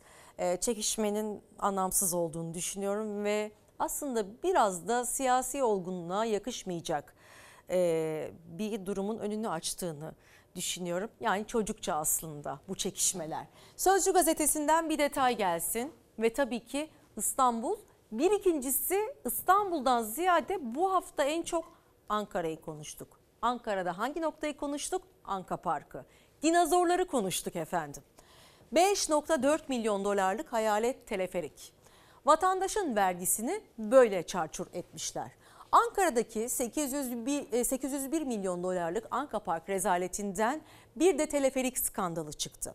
7,5 milyon kilometrelik hat için direkler dikilmiş vagonlar e, getirilmemiş efendim. Teleferiğin 30 metrelik direkleri var kendisi yok. Zaten malum dinozorları görüyorsunuz. Ankara Belediyesi'nin AKP'li önceki yönetiminin yaptırdığı dinozorlu Anka Parkı deştikçe bu işin nasıl bir kara delik olduğu görülüyor. Şöyle ki bitmiyor aslında skandallar. Parka ziyaretçi getirilmesi için teleferik yapımı planlanmış ve 5.4 milyon dolar bugünkü kurla e, özür diliyorum 50.4 milyon dolar bugünkü kurla 890 milyon lira bedelle ihalesi verilmiş. Kimlerin cebinde girdi bu para tartışılır ama kimin cebinden çıktı? Tabii ki vatandaşın cebinden çıktı. Teleferik bitirilmemiş bu kadar paraya rağmen. Vagonların hiç e, getirilme, getirilmemiş olması kullanılmamış teleferik projesinden geriye park içine dikilmiş 30 metrelik direk enkazları kaldı. Ankara Belediye Başkanı Mansur Yavaş ortada teleferik yok. Bu konuda da yargıya başvurduk dedi. Sayın Mansur Yavaş bu konuda e, Ankara Büyükşehir Belediye Başkanlığı koltuğuna geçtiğinden beri büyük mücadeleler verdi. Ve bu konuyu da aydınlığa çıkaran e, kişidir. Çok teşekkür ediyoruz. Bu gibi müsrifliğin, israflığın e, önünde ol, olduğumuzu da her zaman belirtmek istiyorum.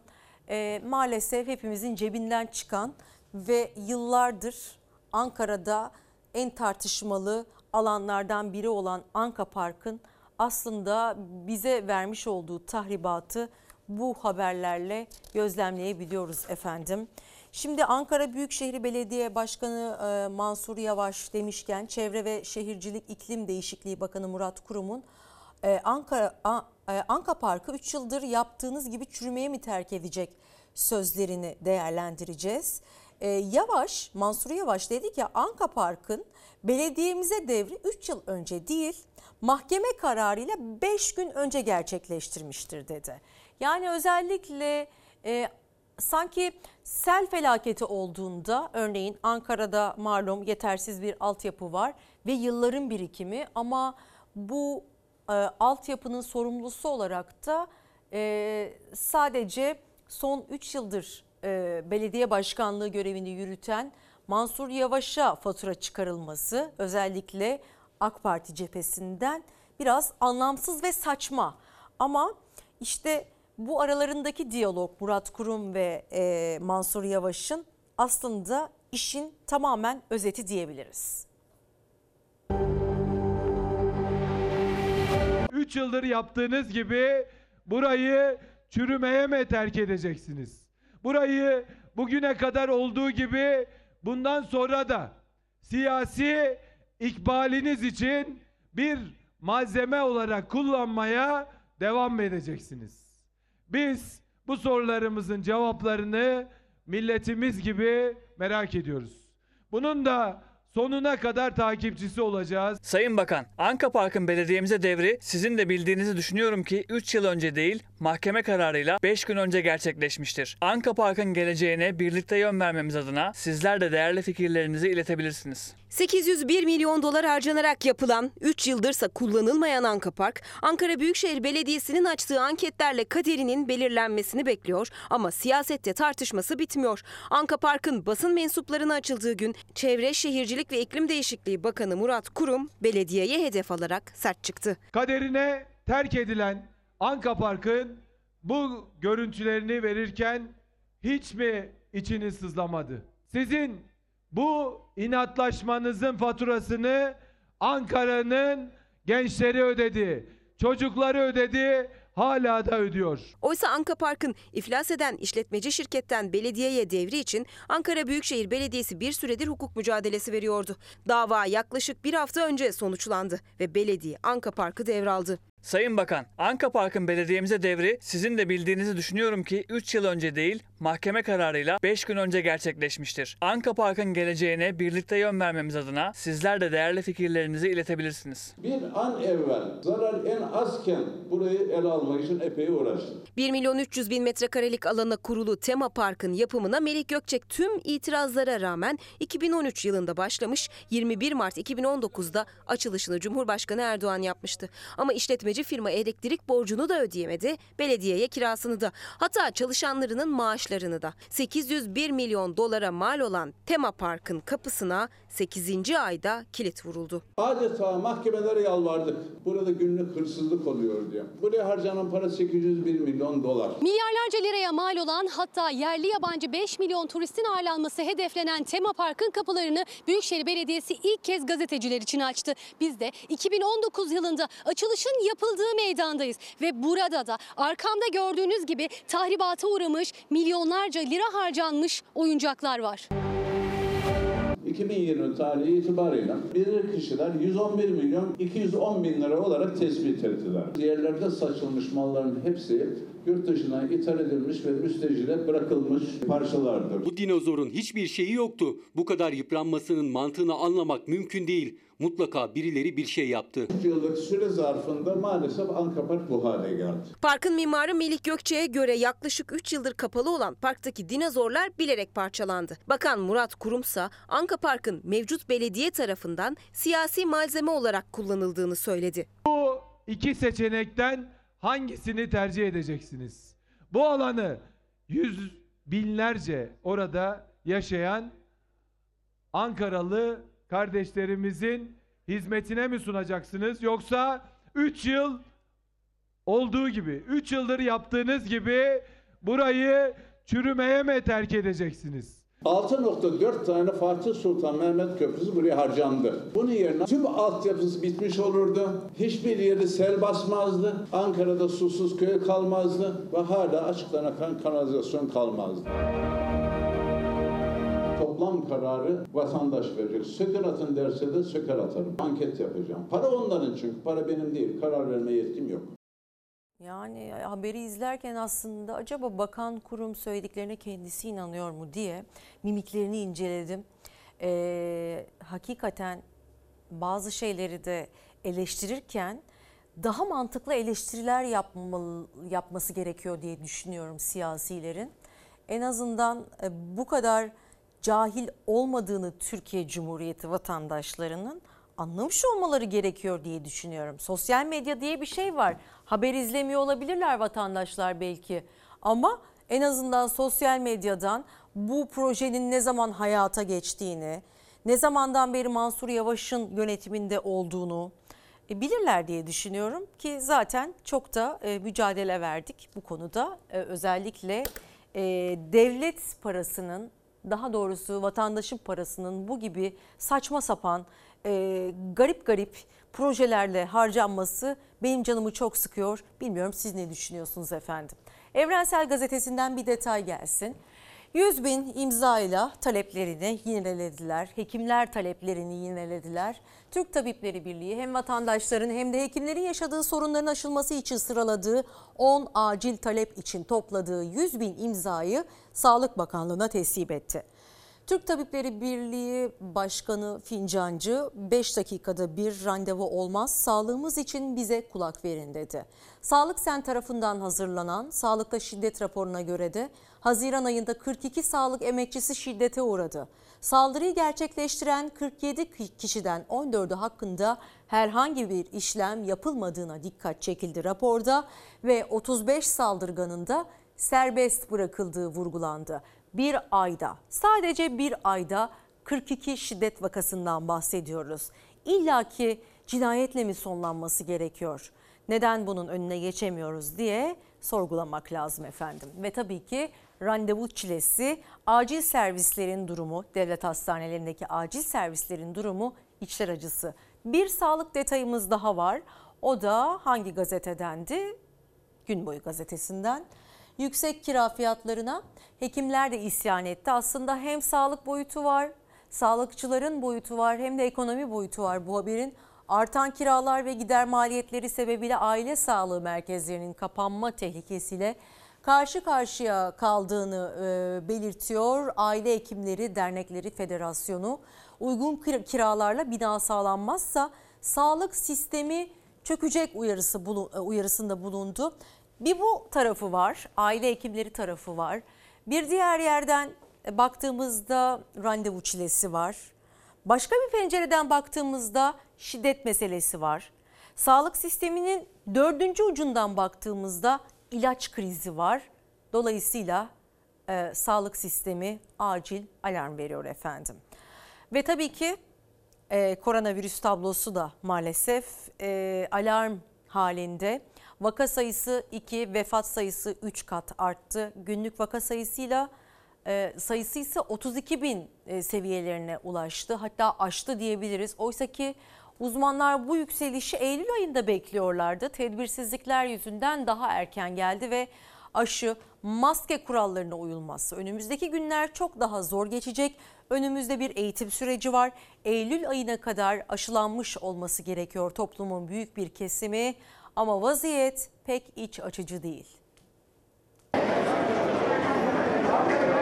Öyle bir ortam hazırladık ki biz virüse. Bu beklenen bir artış dönemiydi. Pandemi öncesi döneme göre bile daha fazla. İşte insanlar tıklım tıklım ortamlarda e, geziyor, dolaşıyor, tatil yapıyor. Sonbaharda değil, yazın dalgayı yaşamaya başladık. Dolaşan kişi sayısının artması, maskesiz ve mesafesiz bir takım önlemlerin alınmamış olması, bireysel önlemlerin bunu getirdiğini görüyoruz. Uzmanların sonbaharda beklediği yükseliş erken geldi. Haftalık koronavirüs tablosunda vaka sayısı bir haftada iki kat, vefat sayısı bir önceki haftaya göre 3 kat arttı. 11-17 Temmuz haftasında 226.532 kişinin testi pozitif çıktı. 96 kişi hayatını kaybetti. Günlük vaka sayısı 32 bini aştı. Salgının zamanı olmaz. Teması ne zaman artırırsanız salgın o zaman artar. Enfeksiyon hastalıkları uzmanı Profesör Doktor Mehmet Ceyhan'a göre sonbaharda vaka sayısının artmaması için maske, mesafe, hijyen kurallarına uymaya devam etmek ve aşılanmak şart. Fakat tüm kurallar kalkıp aşılama durunca vaka sayısı yaz aylarında artmaya başladı. Bu da sonbaharın daha da zor geçecek olması demek. Üstelik can kaybı da şimdiden artışta. Ağustos sonu Eylül başında e, belki süreç değişebilir. E, daha fazla hasta görebiliriz. Bu yüzden maske kullanımının yeniden hayata dönmesi şart. Özellikle 50 yaşın üzerinde kronik hastalığı olan kişilerin maskesini takmalarını istiyoruz. Yüksek riskli ortamlar var. Toplu taşıma bunlardan bir tanesi. Mesela asansör bunlardan bir tanesi. Kapalı, dar, havalandırılmıyor. Böyle bir yerde maskesiz bulunmak riskli yün, dernek, nişan, söz, konserler, sinemalar, tiyatrolar, mitingler, ibadet yapılan yerler. Buralarda maskeli olmak lazım. Bilim Kurulu üyesi Profesör Doktor Tevfik Özlü'ye göre zorunlu bir kapanma olmayacak. Fakat bunun için aşılama çok önemli. İlk öneri 50 yaş üstünün aşılanmasıydı ama Bilim Kurulu üyesi Profesör Doktor Sema Turan'a göre son aşılaması üzerinden 6 ay geçen herkes hatırlatma dozunu yaptırmalı. Zorunlu bir kapatma ya da o öyle bir ihtiyaç olacağını düşünmüyorum. Bu varyantlara etkili aşıların da üretilmesi çok önemli tabii ki. Önümüzdeki Ağustos ayı itibariyle benim kişisel önerim e, en kısa zamanda atlatma dozlarını yapmak. Kartal Lütfi Kırdar Şehir Hastanesi Başhekimi Profesör Doktor Recep Demirhan da aşı uyarısını yeniledi. Asıl tehlike tatil sonrası bulaşın her yerde yeniden artması. Öteki dozların, aşı dozlarının etkinliği azaldı. En fazla 5-6 ay sürüyor etkinliği. Tam doz aşılı olanlar hastalığı geçirmiş olsa bile ayakta geçiriyorlar. Mutlaka hatırlatıcı aşı dozlarımızı yapmalıyız. Kurban Bayramı başladı. Türkler gelip yabancılarla aynı ortamı paylaştılar. Bu insanlar memleketlerine dönecek ve orada odaklar oluşturacak. Efendim bu devirde tabii e, okutmak da zor. Çocuklarımızı okutmak da zor. Öğrencilerimizi okutmak da zor. Bir yandan da e, özel üniversiteler ve özel okulları konuşuyoruz. %90'a e, ulaşmış boyutta özel üniversitelerdeki zamlar. Yurtlar %30'a varan oranlarda zamlar za- e, zamlandı. Ve devlet üniversitesi ve yurduna girmek de hiç kolay değil. Özel üniversitede okutmak özellikle şehir dışında öğrencileri okutmak hiç ama hiç kolay değil. Barınma meselesi var.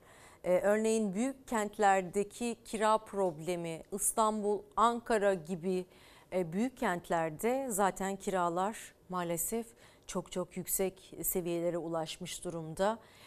Onun dışında eğer burslarla okuyorsa bir öğrenci zaten hayata yenik başlamak durumunda. Her ne kadar faizler silinmiş olsa da KYK'da önümüzdeki süreçte daha fazla öğrencinin borçlanacağını da unutmayalım. YKS sonuçları açıklandı ve öğrencileri üniversiteye yerleştirme e, telaşı sardı. Ama sınavda başarılı olup bir fakülteye yerleşmekle de iş bitmiyor. Devlet üniversitelerine yerleşemeyip özele gidecekleri büyük maddi sorunlar bekliyor. Çünkü e, özelde eğitim ücretleri geçtiğimiz yıla göre %90, yurt ücretleri %130 zamlandı. Öğrenciler bu yılda barınma sorunu e, yaşayacak gibi. Maalesef e, onların yurt problemi de halen çözülmedi. Devlet yurtlarının daha fazla olması gerekiyor. Devlet yurtlarının e, daha uygun olması gerekiyor. Daha yaşanabilir bir halde olması gerekiyor. Bu problemi de eğitim ve öğretim yılı gelmeden çözmemiş e, çözmemiş e, çözmek gerektiğini de unutmayalım efendim. Öğrenciler için galiba e, zor bir yıl olacak. Özellikle barınma ve ihtiyaçlarını karşılama konusunda kitap fiyatlarını da defter defter fiyatlarını da zaten her zaman konuşuyoruz ama onların fotokopi çektirme maliyeti bile arttı. Maalesef bunların hepsi yük demek. Bir yerden bir yere gidiyorsa eğer öğrenci e, akbil fiyatları bile zamlandı. E, maalesef okumak gerçekten çok zor. Özellikle şehir dışında eğer öğrenci okutuyorsa velilerin işi çok ama çok zor. TÜİK gıda enflasyonunu e, açıklamıştı ve %93.93 olarak biliyorduk. Birleşik Kamu İş Federasyonu Araştırma Birimi Kamu Arın raporu ortaya çıktı ve enflasyonun TÜİK rakamının çok çok üzerinde olduğu e, ortaya konuldu. Kamuoy'a göre yıllık gıda enflasyonu tam %75, %175.9'a vardı. Hayat pahalılığından bunu tabii ki anlayabiliyoruz ama veriler üzerinden gidersek %75.9 oranında olduğunu söyleyebiliriz. Bir kilo şekere ne kadar verdiniz? 28 lira. Geçen sene ne kadar alıyordunuz? 9 liraya alıyordum. Artık oğlum ben pahalılıktan çok usandık. 3 limon aldım, 8 gram domates aldım, lor aldım, 60 lira verdim. Her geçen gün pahalılık nedeniyle daha az ürüne daha fazla para veriyor tüketici. Çünkü gıda ürünlerindeki fiyat artışı durmuyor. TÜİK'e göre bile %93,93 ile 3 haneye yaklaşan gıda enflasyonu Birleşik Kamu İş Konfederasyonu Araştırma Birimi Kamuar'a göre bunun çok üstünde. Yıllık gıda enflasyonu %175,9. Şimdi geldim çiçek yağına baktım 200 lira. Alacak gücümüz yok yani. Birini alıyorsak öbürünü alamayız. Nerede ucuz bulurum diye 4-5 tane market dolaştım. Nerede 1-2 lira fark varsa orada almaya çalışıyoruz yani. Tüketici artan fiyatlara karşı 1 liranın bile hesabını yaparken gıdanın ateşi yaz mevsiminde de sönmedi. Ocak ayında %55,61 olan gıda enflasyonu TÜİK'e göre Haziran'da 3 hane sınırına dayandı. Her gün gıda fiyatları değişiyor. İki poşete 89 lira para verdim. Benim yaşım 66. Dörde bölmüşler karpuzu öyle satıyorlar ya. İlk defa görüyorum. Tüketici açıklanan verilerden çok cebindeki parayla ne aldığına bakıyor. Yani kendi enflasyonuna. Veriler de birbirinden çok farklı zaten. Yıllık enflasyon TÜİK'e göre %78,6, İstanbul Ticaret Odası'na göre %94, ENAG'a göre ise %175. İnanmıyorum ben. Tabii ki maaşları etkiliyor ona göre. Zam veriyorlar emekliye, işçiye, memura. Hayat öyle değil tabii. Ancak işin içine girdiğin zaman anlıyorsun. TÜİK'in açıkladığı verilere göre maaşı belirlenen emekli, çalışan, çarşıda pazarda tam tersi bir tabloyla karşılaşıyor. Kamuar'ın araştırmasına göre de Temmuz'da bir önceki aya göre %6 artan gıda fiyatları yılın ilk 7 aylık döneminde %85,3, son bir yıllık dönemde de %175,9 arttı. Araştırmaya göre geçen yıl 100 liraya dolan bir gıda sepeti aynı ürünler bugün alındığında 276 liraya doluyor artık. Biz de şimdi Zeytinburnu'nda bir süpermarketteyiz. Market arabasını doldurmadık sadece ayçiçek yağı, un, pirinç, kırmızı mercimek, toz şekerden oluşan 5 temel gıda ürünü aldık ve bu ürünlerin toplamı 176 lira tuttu. Kırmızı et alamıyorum. Yalanım yok kardeşim. Çünkü benim ona verecek param yok. Kurbandı işte bir kardeşim kesti verdi. Bir yılda en çok un, bulgur ve makarna fiyatları zamlandı. Artış %197,7. Et fiyatlarındaki artış %104, süt ve süt ürünlerindeki artışsa %124,5. Hanımla beraber çalışıyoruz. İki çocuğumuz var. Annemiz yardım ediyor. Babamız, kardeşimiz. Görüyorsun 11 lira mı 12 lira şey patates. 2-3 tane buradan alıp gidiyorum. Kötüye gidiyoruz, iyiye hiçbir zaman içi gitmiyoruz. Allah yardımcımız olsun. Türkiye Gazeteciler Cemiyeti basın özgürlüğü ödülleri sahiplerine buldu. Haziran ayında tutuklanan 16 gazeteci ve sansüre karşı dayanışmaya destek veren meslek örgütlerine ödül verildi. Türkiye biliyorsunuz 38 gazetecinin tutuklu olduğu ve basın özgürlüğü sıralamasında 149. sırada olan bir ülke. Böyle bir e, zor koşulda e, basın özgürlüğü ödüllerinin hala verilebiliyor olması büyük önem taşıyor. Çok önemsiyoruz. Ee, iki nedeni var. Bir tanesi sansürün ilk kez kaldırılmış olması 1908'de. İkincisi de e, Lozan tabii. Bağımsız Cumhuriyet'in tescillendiği bir anlaşmanın da yapıldığı tarihtir. Türkiye'de gazeteciliğin en önemli, en prestijli ödüllerinden biri. Türkiye Gazeteciler Cemiyeti Basın Özgürlüğü Ödülleri. Bu yıl ödüller Haziran ayında tutuklanan 16 gazeteciye ve sansüre karşı dayanışma gösteren basın meslek örgütleriyle gazetecilere verildi. Tutuklu gazeteciler adına verilen ödülü Türkiye Gazeteciler Cemiyeti Diyarbakır temsilcisi Faruk Balıkçı aldı. Türkiye Gazeteciler Cemiyeti'nin de bu 16 tutuklu gazeteciye ödül verilmesi aslında dayanışmanın en büyük örneklerinden biridir. O yüzden ben e, temsilcisi olduğum Türkiye Gazeteciler Cemiyeti'ne de bu yüzden e, çok teşekkür ediyorum. Bugün sansürün ağ babası ülkemizde var.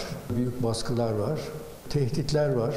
20 yıl oldu Türkiye'de hala e, haberin özgürce dolaştığı bir dönemi yaşamadık. Türkiye Gazeteciler Cemiyeti Başkanı Turgay Olcayto gazetecilerin yaşadığı zorlukları anlattı. Yıllardır özgürce haber yapılamadığına dikkat çekti. Gazetecilerin hedef gösterilerek gerçeklerin gizlenmeye çalışıldığına dikkat çeken Türkiye Gazeteciler Cemiyeti Genel Sekreteri Sibel Güneş, sansüre karşı dayanışma için verilen sembolik ödülün ise İstanbul Fatih'teki basın müzesinde sergileneceğini açıkladı. İktidar ve iktidar ortakları gazetecilere yönelik sözlü ve fiziksel saldırıları teşvik ediyor. Haksız gözaltılarla, iddianamesiz uzun tutukluluklarla gazetecileri baskı altına almaya ve gerçeği yurttaşlardan kaçırmaya çalışıyor.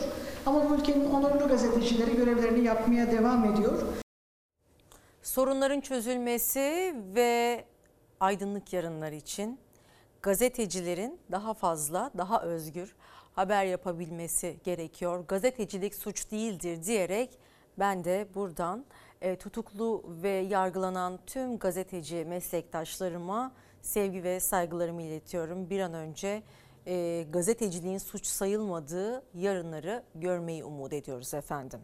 Hayatı en çok merak edilen e, bu dünyadan geçmiş isimlerden biri Prenses Diana. Ve İngiliz kraliyet ailesinde yaşananlar, evliliği, ilişkileri, ölümü bir müzikalde hayat buluyor. Önemli olan bu müzikalde bir türkün canlandırmış olması. Bakın o müzikalde kim canlandırıyor Dayana'yı? You left me wanting more. Yes, I met a prince tonight. Bence Diana'yı çok iyi bir şekilde anlatıyor bu müzikal. Bütün hikayeyi çok güzel bir şekilde, çok doğru bir şekilde e, anlatıyor. Onu en güzel şekilde gösteriyor. Almanya, İngiltere, İtalya ve Türkiye'de bir daha bütün Türkiye genelinde olacak. Sonra da bir daha Amerika turnesi komple. Dev turnenin ilk adımı Türkiye'de atılıyor. Amerika'nın en prestijli ve ilgi duyulan Prenses Diana müzikali Kalplerin Kraliçesi 13-14 Ağustos'ta İstanbul'da sahne almaya hazırlanıyor. Diana'nın Charles'la tanışmasından itibaren işte nişanlanmaları, düğünleri, daha sonra Beyaz Saray ziyaretleri, e, ondan sonra Charles ile arasındaki sıkıntılar, işte kraliçeyle konuşmalar falan. Yani bütün hikayeyi anlatıyoruz ölümüne kadar. Bence oldukça keyifli bir müzikal bütün hikayeyi anlatan. Prenses Diana'nın hayatını konu alan müzikalde Diana'yı eğitimci ve araştırmacı da olan mezzo soprano Lori Shen canlandırıyor. Müzikalde Prenses Diana ile Prenses Charles'ın ilişkilerinden İngiliz kraliyet ailesinde yaşananlara ve Diana'nın sırlarla dolu ölümüne kadar detaylarda yer alıyor. Lady Diana da oldukça nasıl diyeyim e, duygusal bir karakterdi E, hani onu ona gerçekten bürünmek, onun rolüne bürünmek e, zorluydu ama oldukça da keyifli oldu tabii. Washington DC Devlet Opera Sanatçılarından oluşan bir grup. 25 kişilik oluşan çok güzel bir grup. Yapımcı Gürkan Us'un Türkiye'ye getirdiği müzikale 25 kişilik Washington Devlet Opera sanatçıları hayat veriyor. İki senelik zorlu bir çalışmanın ürünü olan müzikal pandemi nedeniyle sahnelenememişti. Verilen o aranın ardından şimdi 13-14 Ağustos tarihlerinde İstanbul'da sanatseverlerle buluşacak. İki senedir zaten çalışıyorduk proje üzerinde. Premier Amerika'da yapıldı ama pandemi girince maalesef ara verdik.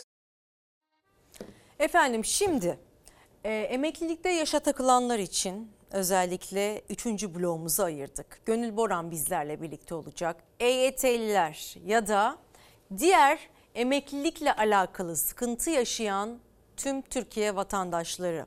Fikirlerinizi yazabilirsiniz. E, Merve İldirim TV, Twitter ve Instagram'dan umudumuz etiketiyle görüşlerinizi bekliyoruz. Kısa bir aradan sonra Gönül Boran bizlerle birlikte olacak ve her şeyi A'dan Z'ye konuşacağız. Tekrar birlikteyiz efendim. Saat 10.27. Stüdyo konuğumuz Emeklilikle Yaşa Takılanlar Derneği'nin başkanı sevgili Gönül Boran. Gönül Hanım hoş geldiniz. Hoş Çok bulduk. şıksınız. Çok teşekkür Böyle ederim. yeşil mavi güzel uyum sağladık Güzel uyum ekrana. sağladık, evet. Biliyoruz ki tabii ki e, memnun olacakları bir döneme girsin EYT'liler. Sizin temenniniz bu yönde ve Umudumuz ve mücadelemizle birleşen bir e, sona yaklaşım. İnşallah sona İnşallah. yaklaşıyoruzdur. Bu hafta çokça tartıştık EYT meselesini. Çünkü KYK problemi kısmen de olsa e, bazı düzenlemelerle e, yeniden masaya geldi. Ama sıra e, emeklilikte yaşa takılanlarda diye düşünüyoruz. Emeklilikte yaşa takılanlar yıllardır sorunun çözülmesini bekliyorlar ve hükümetin gündemine bir alıp bir çıkardıkları kapattıkları sorun için Çalışma Bakanı Vedat Bilgin yeni bir açıklama yaptı. Formüller üzerinde çalışıyoruz dedi. Tabii ki bu ilk açıklama değildi EYT'liler için ama bu hafta emeklilikte yaşa takılanlarla alakalı neler oldu? Önce izliyoruz. Sonrasında Gönül Boran'la birlikte bu meseleyi masaya yatırıyoruz.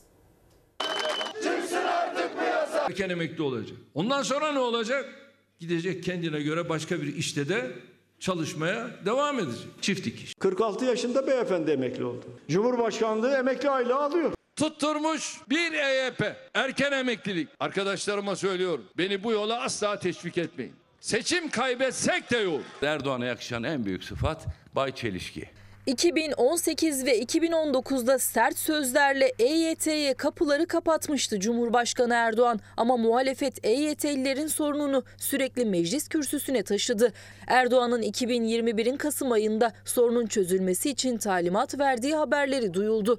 Ama Çalışma Bakanı Vedat Bilgin'den birkaç ay arayla duyulan farklı açıklamalarda kafaları karıştırdı. Erken emekliliği 3600'ü komisyonlarımız çalışıyor. EYT çalışması olacak mı? Şu anda bizim gündemimizde bu yok. Son olarak 3 ay önce EYT gündemde yok demişti Bakan Bilgin ama yeni açıklamasında en geç 2023 yılbaşına randevu verdi. Ama muhalefet o tarih içinde geç dedi. Bakanlık bünyesinde bir çalışma grubu oluşturduk. Ortaya çıkacak yol haritasına uygun çalışmayı yıl sonu ya da Ocak ayı başında meclise sunacağız. EYT. Milletin Ocağı Şubat'ı beklemeye tahammülü ve sabrı yok. Ensenizdeyiz. Meclisin açıldığı ay hallolması için her şeyi yapacağız. En uygun formülü uygulamaya sokma niyetindeyiz. Çok sayıda formül var, alternatifler var. Bu alternatifler üzerinden çalışmalarımızı yapacağız. Bakan Bilgin EYT sorunu nasıl çözülecek formülü vermedi. Formüllerle alakalı aslında bir izleyicimiz hatırlatmış. Onu da paylaşayım hemen. Tabii. E, Levent Bey diyor ki 15 Temmuz'da EYT için 5 formül, 17 Temmuz'da 6 formül, 19 Temmuz'da 10 formül ve 21 Temmuz'da 4 formül dedi hükümet diye bir hatırlatma yapıyor. Bu formüllerle alakalı bir bilginiz var mı Gönül Hanım? Bizim de sadece bilgimiz basına yansıyanla, emeklilikte yaşa takılanlara bitmeyen bir e, maç uygulanıyor. Neden derseniz 99 öncesinde biliyorsunuz bu yasa çıktı. Bizim maçımızın e, noktalanması gereken zaman dilimi içerisinde sizin sürecinizi uzatacağız dedi. Uzattıkları süreçte 23 yıllık bir mağduriyet var. 20 yıldır da şu anki hükümetimizle yönetiliyoruz. Yıllardır algılarla dendi ki erken emeklilik istiyor, bütçeye yük iste, e, olacaklar denildi. Sayın Cumhurbaşkanımız çiftlik iş yapacaklar. Seçimi kaybetsem dahi yokuz dedi. Köpük olduk her şey, her türlü algılarla geldiler bize. Ama öyle bir safhaya geldik ki yine topumuz sahanın içerisine girdi. Fakat çalımlarla maalesef ki top döndürülmeye başlandı. Bunun adı da işte basına yansıyan formüllerle. Geçmiş zamanda 10 kombinasyon denendi Çalışma Bakanımız tarafından. İşin içinden çıkılamadı. Evet 5 formül, 6 formül, 11 formül, şu an 4 formül. Biz de bekliyoruz. Açıkçası bu başlayan çalışmanın konunun muhatapları olarak mağduriyeti taşıyan bizler olarak da o masada o formüllerin hangi amaç ve hangi e, gayeyle gerçekten bu mağduriyetin bitirilmesine e, samimi misiniz? Yoksa o maçı bitirmeme gayretiyle daha farklı mağduriyetler mi yaratma çabası içerisindesiniz? Bekliyoruz. Ee, yaklaşık 6 milyon kişiyi ilgilendiriyor bu konu. 4,5-5 milyon civarında e, bir sayımız var. Tabii o sayımız da e, yine çalışma arkadaşımız Özgür Erdursun'la birlikte e, yaptığımız çalışmalar neticesinde çıkan Evet. rakamlar. Ama net rakam elbette ki hükümetimiz tarafından, Çalışma Bakanımız tarafından bir tuşla şu kadar sayıda EYT'li vardır denilebilir. Ee, mesela e, Türkiye Gazetesi'nden bir detay var EYT ile ilgili 3 senaryo ile alakalı. Ee, yaş şartı e, aranmadan sigorta, sigorta süresi ve prim günlük koşullarıyla emekli olmak istiyorlar. Gelsin Türkiye Gazetesi bu arada. Ee, istekleri var EYT'lilerin. EYT'lilerin istekleri nedir? En azından bu hani e, son maddeler ve son e, çalışmalar deniyor ya. En azından o istekleri bir kez daha gündeme getirsek belki o maddeler de içerilir diye düşünüyorum. Şimdi emeklilikte yaşa takılanlar bir gecede tek bir maddenin geriye aleyhte işletilmesiyle mağdur edildi. Birçok formüller söylendi. Tek formülümüz var. Yani yeniden yeniden yeniden bir emeklilikte yaşa takılanlar yaratılmasın. Yeniden bir prime takılanlar yaratılmasın. Formül tek. Herkesin anayasal hakkına sahip olabilmesi adına ki biz anayasal hakkımız olan emeklilik hakkımızdan mahrum bırakıldık bu yasayla. Herkesin eşitlik ilkesi anayasal hakkına sahip olabilmesi adına formülümüz tek diyoruz. Niye? 4447 sayılı kanunun geriye aleyhte işletilen maddesinin iptalidir tek formül. Çözüm formül aramaya gerek yok ki. O kadar kafa patlatmalarına da gerek yok. Kombinasyonlar bulmalarına da gerek yok. Ve yıllardır da bu bu haliyle e, 23 yıldır devam eden bir mağduriyet çözmek isteniliyorsa bir gecede nasıl çıktıysa bir gecede de çözümlenebilecek bir e, yasa olduğunu biliyoruz. Evet yani sizin istediğiniz çözüm bu kararın iptali. 99'da 8 Eylül 99'da da giren arkadaşımın anayasal hakkıdır. 96'da da 90'da da yani e, başka bir açıklaması olamaz ki bunun. Evet.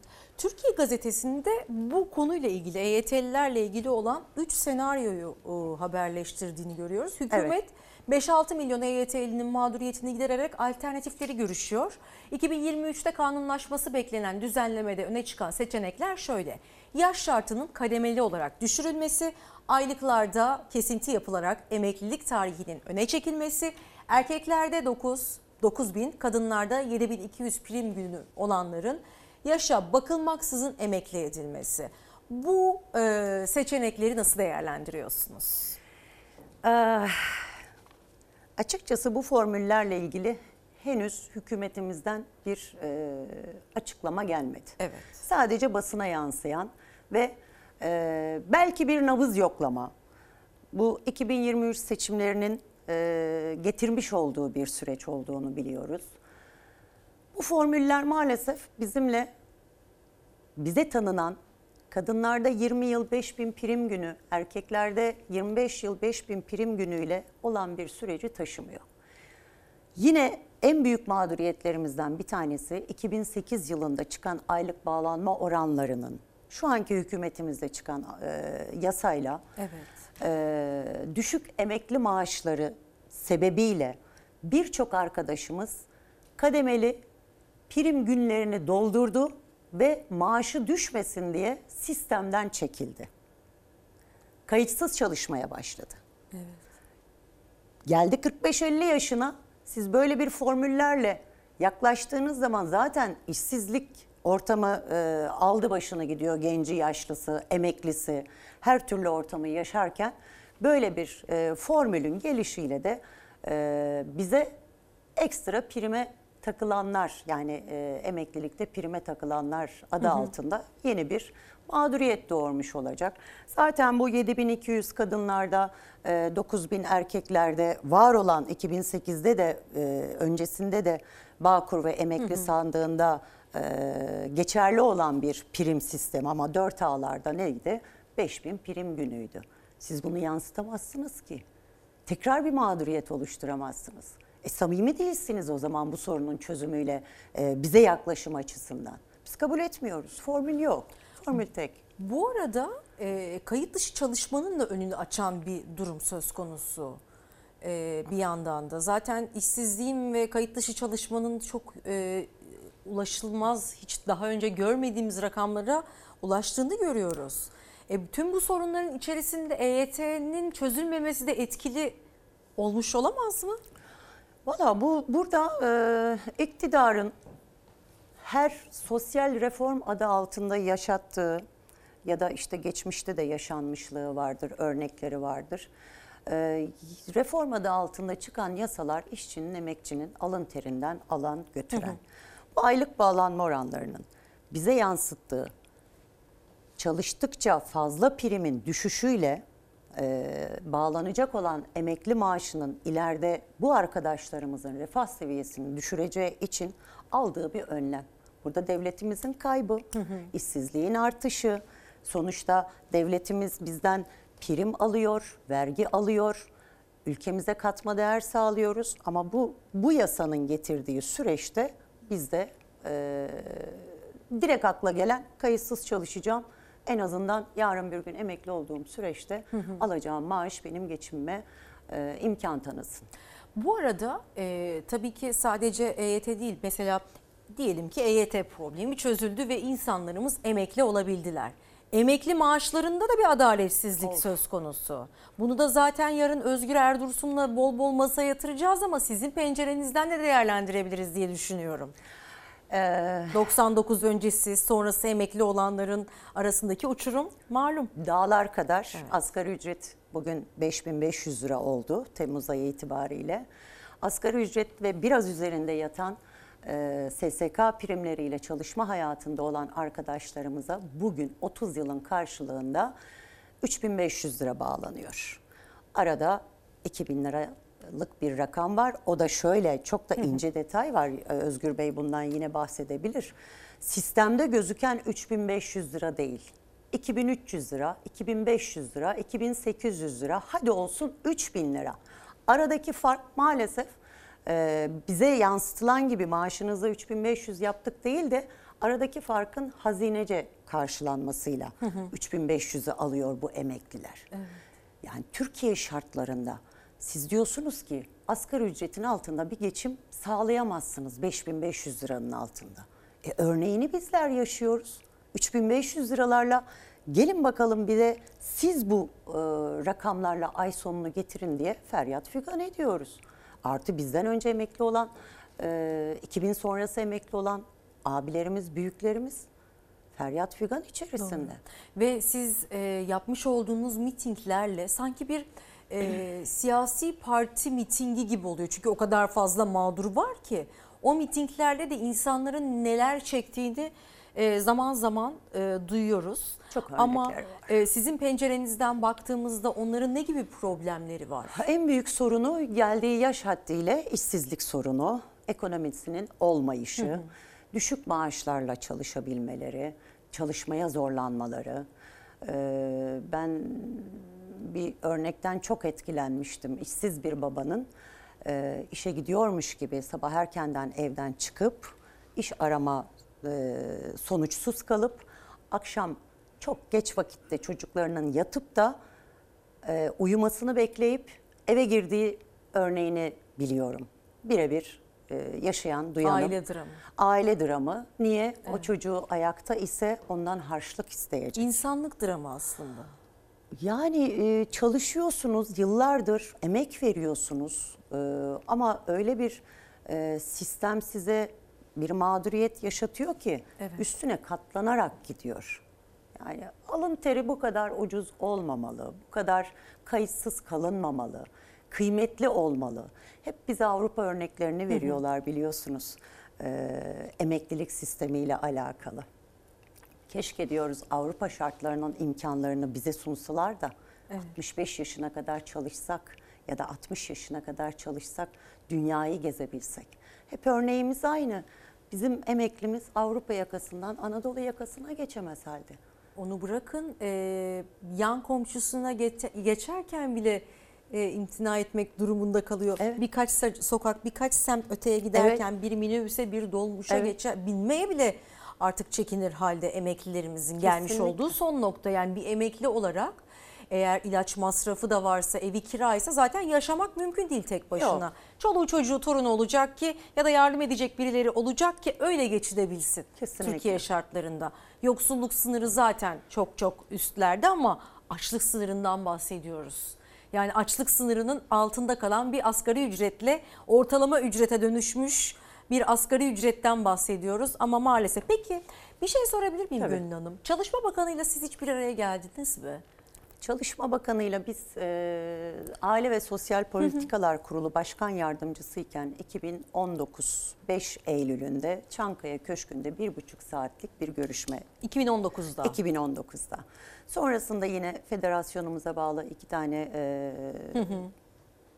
e, yönetici arkadaşımla birlikte Çalışma Bakanı olmasa bile biliyorsunuz Muhammed Emin Akbaşoğlu Evet. 5 formülle e, daha doğrusu sorun çözülecek 5 konuyla Hı hı. bize yaklaşmıştı. Öyle bir görüşme oldu ama bakan olduktan sonrasına Sayın Vedat Bilgin'in e, biz hem hayırlı olsuna hem derdimizi tekrar dile getirmek adına randevu taleplerinde bulunduk.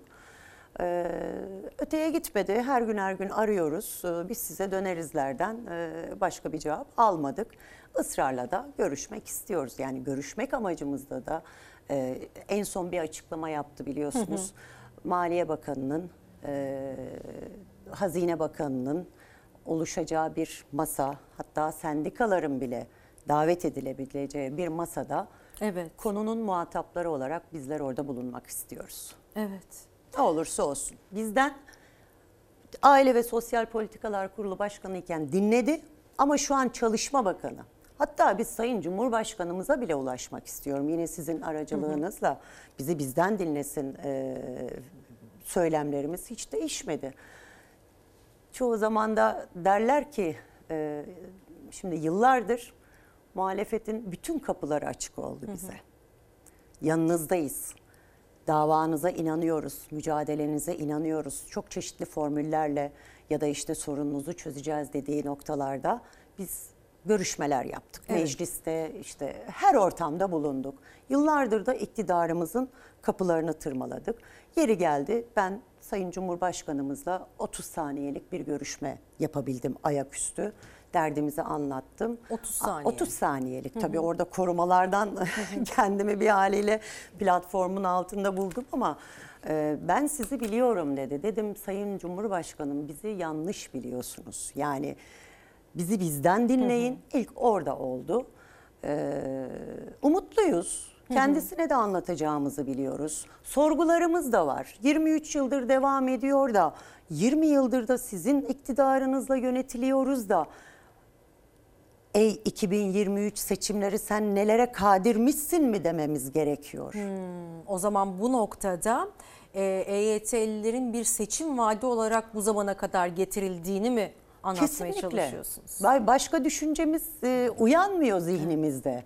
E, 20 yıldır çok az bir zaman değil. Bir çocuğu doğuruyorsunuz, askere gönderiyorsunuz, evlilik safhasına getiriyorsunuz. Yani öyle bir e, zorlukla geçen e, bir e, süreç yaşamışız. Ama gelinen nokta 2023.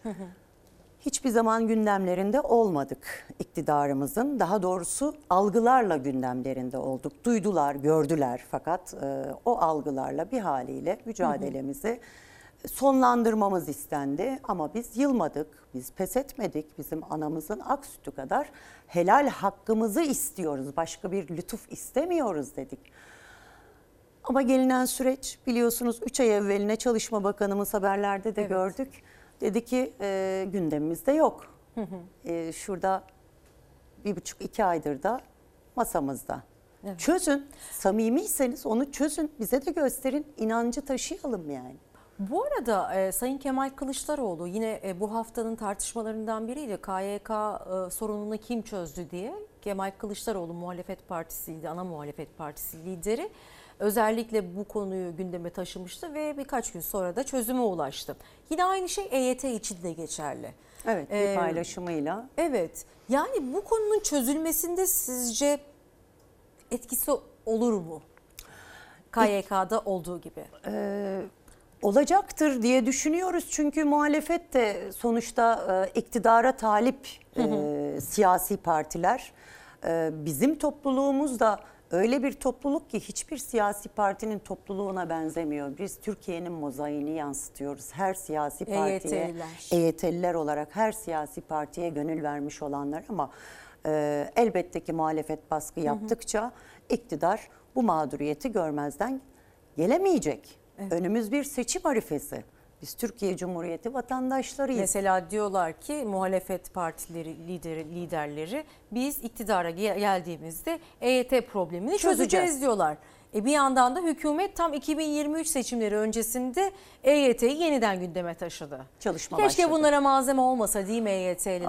Aa, çok yorulduk biz o konuda. Yıllardır Evet. her seçim Milyonlarca arifesinde insanımız. tabii ki her seçim arifesinde Evet. o tozlu raflardan formüller sayısızca e, internet sayfasında, basında şu an biliyorsunuz e, ulusal kanalların hepsinde tartışma konusuyuz.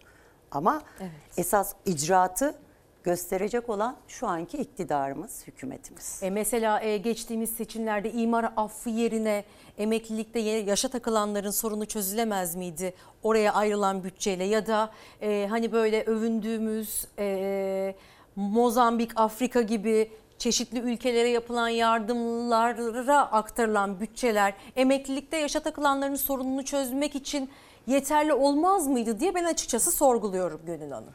Keşke. Orada maalesef kaynakların nereye kullanılacağının tercihi çok çok çok önemli. Vatandaşın mağduriyeti mi giderilsin yoksa biz yaptık oldu. Ya bize ne 136 tane ülkenin e, ülkeye yardım yapmakla hani bize ne derken ağzımdan çıkan cümlede yaparsınız. Dünyaya yardım yapın ama sizin Türkiye'nin şartlarında böyle mağduriyetler yaşayan topluluk, vatandaşınız varsa o zaman diyeceksiniz ki bir dakika önce benim vatandaşım diyeceksiniz. Bizim gidecek yerimiz yok. Evet. Biz Türkiye Cumhuriyeti'nde doğduk. Burası memleketimiz, ülkemiz en fazla çalışma hayatıyla katma e, değer sunan değerleriz biz. Doğru. O yüzden bu tür açıklamalar hani ben vatandaşımı görmüyorum ya da işte gittiği yere kadar dediği süreç asla kabul değil. Ha şu anki çalışmanın da emin olun icraatte mi kalacak, vaatte mi kalacak ya da gerçekten samimiyeti yansıtıp da bir seçim malzemesi olmadan biz bu sorunu çözeceğiz mi, çözdük mü diyecekler. Hepimizde bir merak konusu. Ama dediğiniz gibi bir gecede çözülebilecek bir mesele. Bir soru gelmiş hemen sormak istiyorum. Sevim Balpınar diyor ki 1991 sigorta girişliyim emekli oldum ama 9 yıl mağdur edilerek geç oldum yaşa takıldım. Benim gibi birçok kişi mevcut yasa çıkarsa 9 yıllık mağduriyetim nasıl giderilecek? Bir de bu tarafı var. Diyelim ki yasa çıktı ama bir de arada geçen zaman var mağduriyetler var. Bunun için bir tazminat ödenmesi gerekmez mi? Şimdi tabii ki e, ben de 10 yılı bekleyen ki 15 yılı bekleyecek olan arkadaşlarım var. Hepimizin aklına Ben daha geliyor. fazla bekliyorum zannediyorum. E, 2000 ve 2008 sonrası çok daha e, mağduriyet yaşıyor. Hem Evet. yaş haddi hem de aylık bağlanma oranlarıyla. Elbette hepimizin aklına geliyor ama bizim aklımıza gelen tabii ki e, hükümetimizin de aklına gelecektir. E, orada da şunu isteyebiliriz, talep edebiliriz bağlanan maaşlarımıza en azından kaybettiğimiz zaman diliminin telafisi yapılarak Evet. bir haliyle çözüm sağlanabilir. Ya da e, kanunu değiştirtebilirsek eğer iptal ettirtebilirsek yargı yolunu açık tutabilirler mi? Onu da biliyorsunuz bizim e, sürecimizde Hı hı. anayasal e, hakkımız dediğimiz şey e, kazanılmış Hı hı. hak değil beklenen haktır diye anayasal e, anayasa mahkemesi yargı sürecini kapatmış oldu. Evet. Tamamen kanunla düzenlenecek bir e, süreç taşıyoruz. Hı hı. Ee, olabilir. O da ayrıca belki başka bir mücadele şeklimiz olabilir. Hı hı. Çünkü e, az bir süreç değil. 10 yıl, Doğru. 12 yıl, 15 yıl, 5 yıl, 6 yıl. Bir hukuk Kime? mücadelesi e, bekliyor galiba Olabilir tabii. tabii. Hı hı. Çünkü kazanılmış hakkımız şu anki aşamada bizlere sunulacaksa kaybetmiş, zaman dilimini doldurmuş arkadaşlarımız için, kendimiz Hı hı. için e, olabilir. Niye olmasın? Diliyoruz ki e, bir an önce çözülsün. İnşallah. Emeklilikte yaşa takılanların e, durumu. Çünkü e, yılların mücadelesi var. Meydanları doldurdular, ağladılar, gözyaşı döktüler. Çok mücadele etti emeklilikte yaşa takılanlar ve hala devam ediyor. E, ve bu konuda da sizi gerçekten tebrik etmek teşekkür istiyorum. ediyorum. E, o kadar iyi yönetiyorsunuz ki bir topluluğu. Bence e, sizin gibi kadınlara siyasette de ihtiyaç var. Ben öyle düşünüyorum. ederim. Siz Arzu Çerkezoğlu gibi kadınlara buradan Var da kulaklarını çınlatalım. Çok Ee, bunu da belirtmek istiyorum. Çünkü önemli olan e, haksızlıkların karşısında e, kitleleri peşinden sürükleyerek bunu olaysız şekilde kimsenin hakkına girmeden, canını yakmadan hakkını arama mücadelesidir bana kalırsa. O yüzden çok Ee, önemli bir e, görev yürüttüğünüzü düşünüyorum. Çok teşekkür ediyorum. Tabii ki çok zorlu bir süreçti. Evet. Ee, benim gibi yönetici arkadaşlarım arka planda, sosyal medyada o kadar çok kahraman var ki hakkına sahip çıkan arkadaşlarımla biz bu e, haliyle yol aldık. E, bu sürece taşıdık. E, herhalde biraz da kadın hassasiyetinin varlığıyla, e, Evet. ince düşünmekle e, yol aldığımızda Kesinlikle olabilir hissediyorum diye bunu. düşünüyorum. Kesinlikle. Ee, amacımız tek, gayemiz tek. Ee, bu mağduriyetin, aylık bağlanma oranlarının artı bir de şimdi staj mağdurları eminim. Onlar da var, staj mağdurları da var. Tabii e, ben de yine bir Çok staj mesaj. mağduruydum. Ee, hı. Başkanım lütfen e, bizi de Çünkü aynı e, yaş grubu Evet, içerisindeyiz. Staj mağdurlarının çok fazla mesajını alıyoruz. Çok var çünkü e, ben 89 staj girişliydim. 92'de e, uzun vadeli sigorta primi yatan e, biriyim. 89'da aldığım o e, numarayla, aldığımız numaralarla biz dedik ki o ne güzel artık sigortalıyız. Başlangıcımız var. Annemiz babamız sürekli bizi tembih eder. Yarın bir gün ne olacağınız belli değil. Sigortalı bir işe girin diye. Aldık ama yıllar sonra bir baktık ki e, staj numarası başlangıç sayılmıyor. Niye? Orada hastalık ve iş kazası primi yattığı Hı hı. için önemli olan e, uzun vadeli sigorta priminin yatması. E, yine kandırıldık o zaman biz. O süreçte e, girdiğimiz e, sosyal güvenlik kurumunda ve 4,5-5 milyonun içerisinde 8 Eylül 99 en fazla bizim topluluğun içerisinde meslek liselerinin e, varlığı ki Evet. hemen hemen sayısı da 1 milyonu buluyor staj mağduriyetinin. E, başlangıcını 99 öncesi almış ama çalışma hayatı 2000 sonrası başlamış ya da e, daha farklı şekliyle farklı tarihte başlamış. E, bu arkadaşlarımızın en azından bir borçlanma ile 99 öncesindeki sigorta staj başlangıcının sayılmasıyla bu anayasal hakkımız olan sürece dahil olmuş olacak. Ya çocuk yaşta siz 15 yaşında çalışmaya başlıyorsunuz. Ha, gene orada bir dakika. Ben sizin bu numaranızı saymayacağım. Bana böyle bir prim yatırmadınız. Staj mağdurlarını da o zaman atlamayalım. Yok kesinlikle önemli Evet. ve e, topluluğumuzun içerisinde var olan e, mücadele ettiğimiz e, davamızdan biri olan staj mağduriyetinde es geçmek doğru değil. Çok teşekkür ediyoruz Ben Gönül teşekkür Hanım. ediyorum. Diliyoruz ki iyi haberi bir an önce verelim. EYT problemi çözülsün. Aslında bir problem değil. Çözülmesi çözülmeyi bekleyen bir hak mücadelesi. Çözülme aşamasında tercihte nerede olacaklığımız. Önceliğimiz 5. sıradaydı biliyorsunuz. Kaçıncı sırada şu anda? Ee, işte çözülme aşamasına geldik KYK'dan sonrasına Ee, çalışma yapılıyor. İlk Ee, sırada. İlk sıradayız. Ee, açıklamayı yani o çalışmaların da hangi şekilde olabileceği belki dediğim gibi o formüllerle bir nabız yoklama mı olacak? Ama hep söylüyoruz, söylemekten de bıkmayacağız. Bizim tek formülümüz var.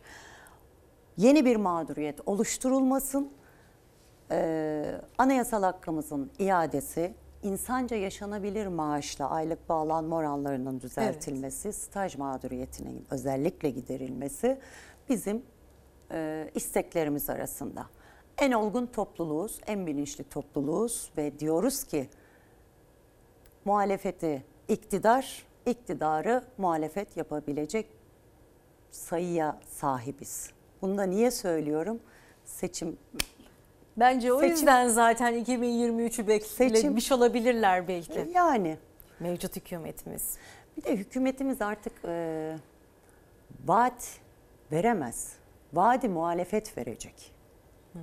Hükümetsiniz, iktidarsınız, icraat yakışır size. Vaat vermek yaraşmaz. Biliyorsunuz 3600'ü seçimlerde e, vereceğim dedi Sayın Cumhurbaşkanımız. 4 yıl geçti Evet. ve Ocak ayında yürürlüğe girdi. Yani neden vaat verilemez? Çünkü tutulmayan vaatler olduğu için. E artık yani o kadar çok örneği var ki ve her şey elinizde. İktidarın elinde. Bunu çözmek için e, vade gerek var mı? Bize göre yok. Niye? Vadi muhalefet verir ki iktidara talip olan siyasi partiler var burada. Ben geleceğim, iktidar olacağım, sizin haklarınızı vereceğim diye vaatte bulunuyor. Ama ben sizin hakkınızı şu çalışmayla yaptım da e, Aralık olmazsa Ocak ayında meclise sunulacak. O da hadi Haziran, Mayıs e, seçimler başlayacak ya da işte çalışmalar başlayacak meydanlarda tekrar mı görüşülecek? Geçmiş zamanda Milliyetçi Hareket Partisi'nde gördük. Her seçim beyannamesinde yer aldık. Gittik, grup başkan vekiliyle görüştük, başkan yardımcılarıyla görüştük. En son aldığımız sabredin, sabredin, sabredin ama sabrettiğiniz süreçte de öyle bir noktaya geldiler ki siz bizi iktidar yapacaktınız ki biz sizin sorununuzu çözelim. Ya ben bu, bu anlattığım şeylere bütün yönetici arkadaşlarım şahit. ve kimle ne görüşme yapıyoruz? Medyamızda paylaşıyoruz. Dava arkadaşlarımla paylaşıyoruz. Bizim başımızdan aşağı bir kaynar su döküldü. Hı hı. E, iktidarsınız, Cumhur İttifakı'ndasınız. Geçmiş zamanda İyi Parti'nin bir komisyon kuralım süreci oldu. E, biliyorsunuz yine e, Sayın Erhan Usta burada hayır kullandığı için e, red oyuyla biz komisyonda olamadık. Belki sorunumuz şimdiye kadar çözülmüştü. Evet. Çok, Çok çok konuştum. problem yaşadık. Ama çok önemli konular bunlar Evet, ve evet. konuşulması gerekiyor e, ki çözülsün, çözüme ulaşılsın. E, bu noktada da işte ben de bari kendime ekleyeyim e, özgür gazetecilik efendim. İşte bu konuyu konuşabiliyorsak Fox çatısı altında Çok, olduğumuz çok, için. Çok destekçimizsiniz. Her, Her yerde zaman. sesimizsiniz. Tüm vatandaşın tüm mağdur kesiminin her Yak- zaman yanında olacağız. Yakından takipteyiz. Ee, çok teşekkür ediyoruz. Biz bu teşekkür anlamda. ederiz. Çünkü hepimizin ailesinde emeklilikte yaşa takılan biri Edirne'den muhakkak Kars'a, var. her yerde. Çevrenizde muhakkak var. Hepimizi ilgilendiriyor bu konu ve adaletsizce bir durum olduğu için her zaman da bir vatandaş olarak e, karşısında durmalıyız diye düşünüyorum. İyi ki Kesinlikle. geldiniz. Takipçisiyiz Gönül Çok Hanım. teşekkür Zaten ediyorum. tekrar görüşeceğiz. Görüşeceğiz. O zaman e, güzel bir haber haberle bitirelim istiyoruz. Antalya'ya gidiyoruz. Bir anne ve kızın hikayesini izleyeceksiniz şimdi. Kızı dünyanın en iyi üniversitelerin birinde kanser üzerine doktora yapıyor. Annesi ise tarhana yaparak alın teriyle kazandığı parayı yolluyor kızına. Adına da tarhana bursu diyorlar aile arasında. İşte kadın emeği, işte başarı. Her e, gördüğümde ayrı bir duygu, ayrı bir coşku oluyor. Sesini duymak çok güzel ama kokusunu bile özledim. Tarhana yapıp satıyor. O para Amerika'da eğitim gören evladına gidiyor. Hem de bereketiyle. Antalyalı Nilüfer Leylek kızına yolladığı alın terine bir de isim koyuyor. Tarhana bursu. Bir Amerika için e, benim gönderdiğim yani denizde bir kum zerreciği ama katkısı yani öyle. Antalya'da Nilüfer Leylek'in kızı Özen Leylek, Amerika Birleşik Devletleri'nin saygın üniversitesi Massachusetts Teknoloji Enstitüsü'nde kanser üzerine tam burslu doktora yapıyor. Başarısı annesinin göğsünü kabartıyor. Annesi de el emeğini, alın terini kızına yolluyor. o kendince elde ettiği, kendi emeğiyle elde ettiği bir değer ve benimle hani bana gönderiyor olması benim için her zaman çok kıymetli. Kızımın adı geçtiğinde daha duygulanıyorum. Arkadaşlar bazen çocuklarını anlatıyorlar. O zaman şey ama aynı zamanda gurur duyuyorum çocuğumla. Leylek yıllarca ev hanımlığı yaptıktan sonra Antalya Büyükşehir Belediyesi'nin desteğiyle kurulan Korkuteli Tarımsal Kalkınma Kooperatifine dahil olup üretim yapmaya başladı. Kızı Özen Leylek geçen yıl dünyada yalnızca 11 öğrenciye verilen Fulbright bursunu da kazanıp Amerika Birleşik Devletleri'nde yaşamaya başladı. Leylek çifti el ele verdi. Kızlarına orada iyi bir hayat sağlamaya çalışıyor. Süreç olarak zorlandık tabii hepimiz ama e, ileride güzel şeyler elde edeceğimizi düşünerek katlanıyoruz. Annemin bulunmuş olduğu kuruluşun içerisinde birçok kadın e, yer alarak çalışıyor ve kendi emekleriyle bir iş ortaya koyuyorlar. Bu her zaman çok kıymetli bir şey ve onlar da yine annem gibi birçok kadın çocuk çocuğunun eğitimini, hayatını destekliyor. Kolyene talip olun. Bana da bir kolye aldı gel. Olur mu? Şimdi reklama gidiyoruz efendim. 23 Temmuz Cumartesi sabahından bu kadar. Çalar Saat hafta sonuyla karşınızdaydık. Yarın sabah tekrar buluşmak ümidiyle sevgi ve saygıyla kalın. Thank you.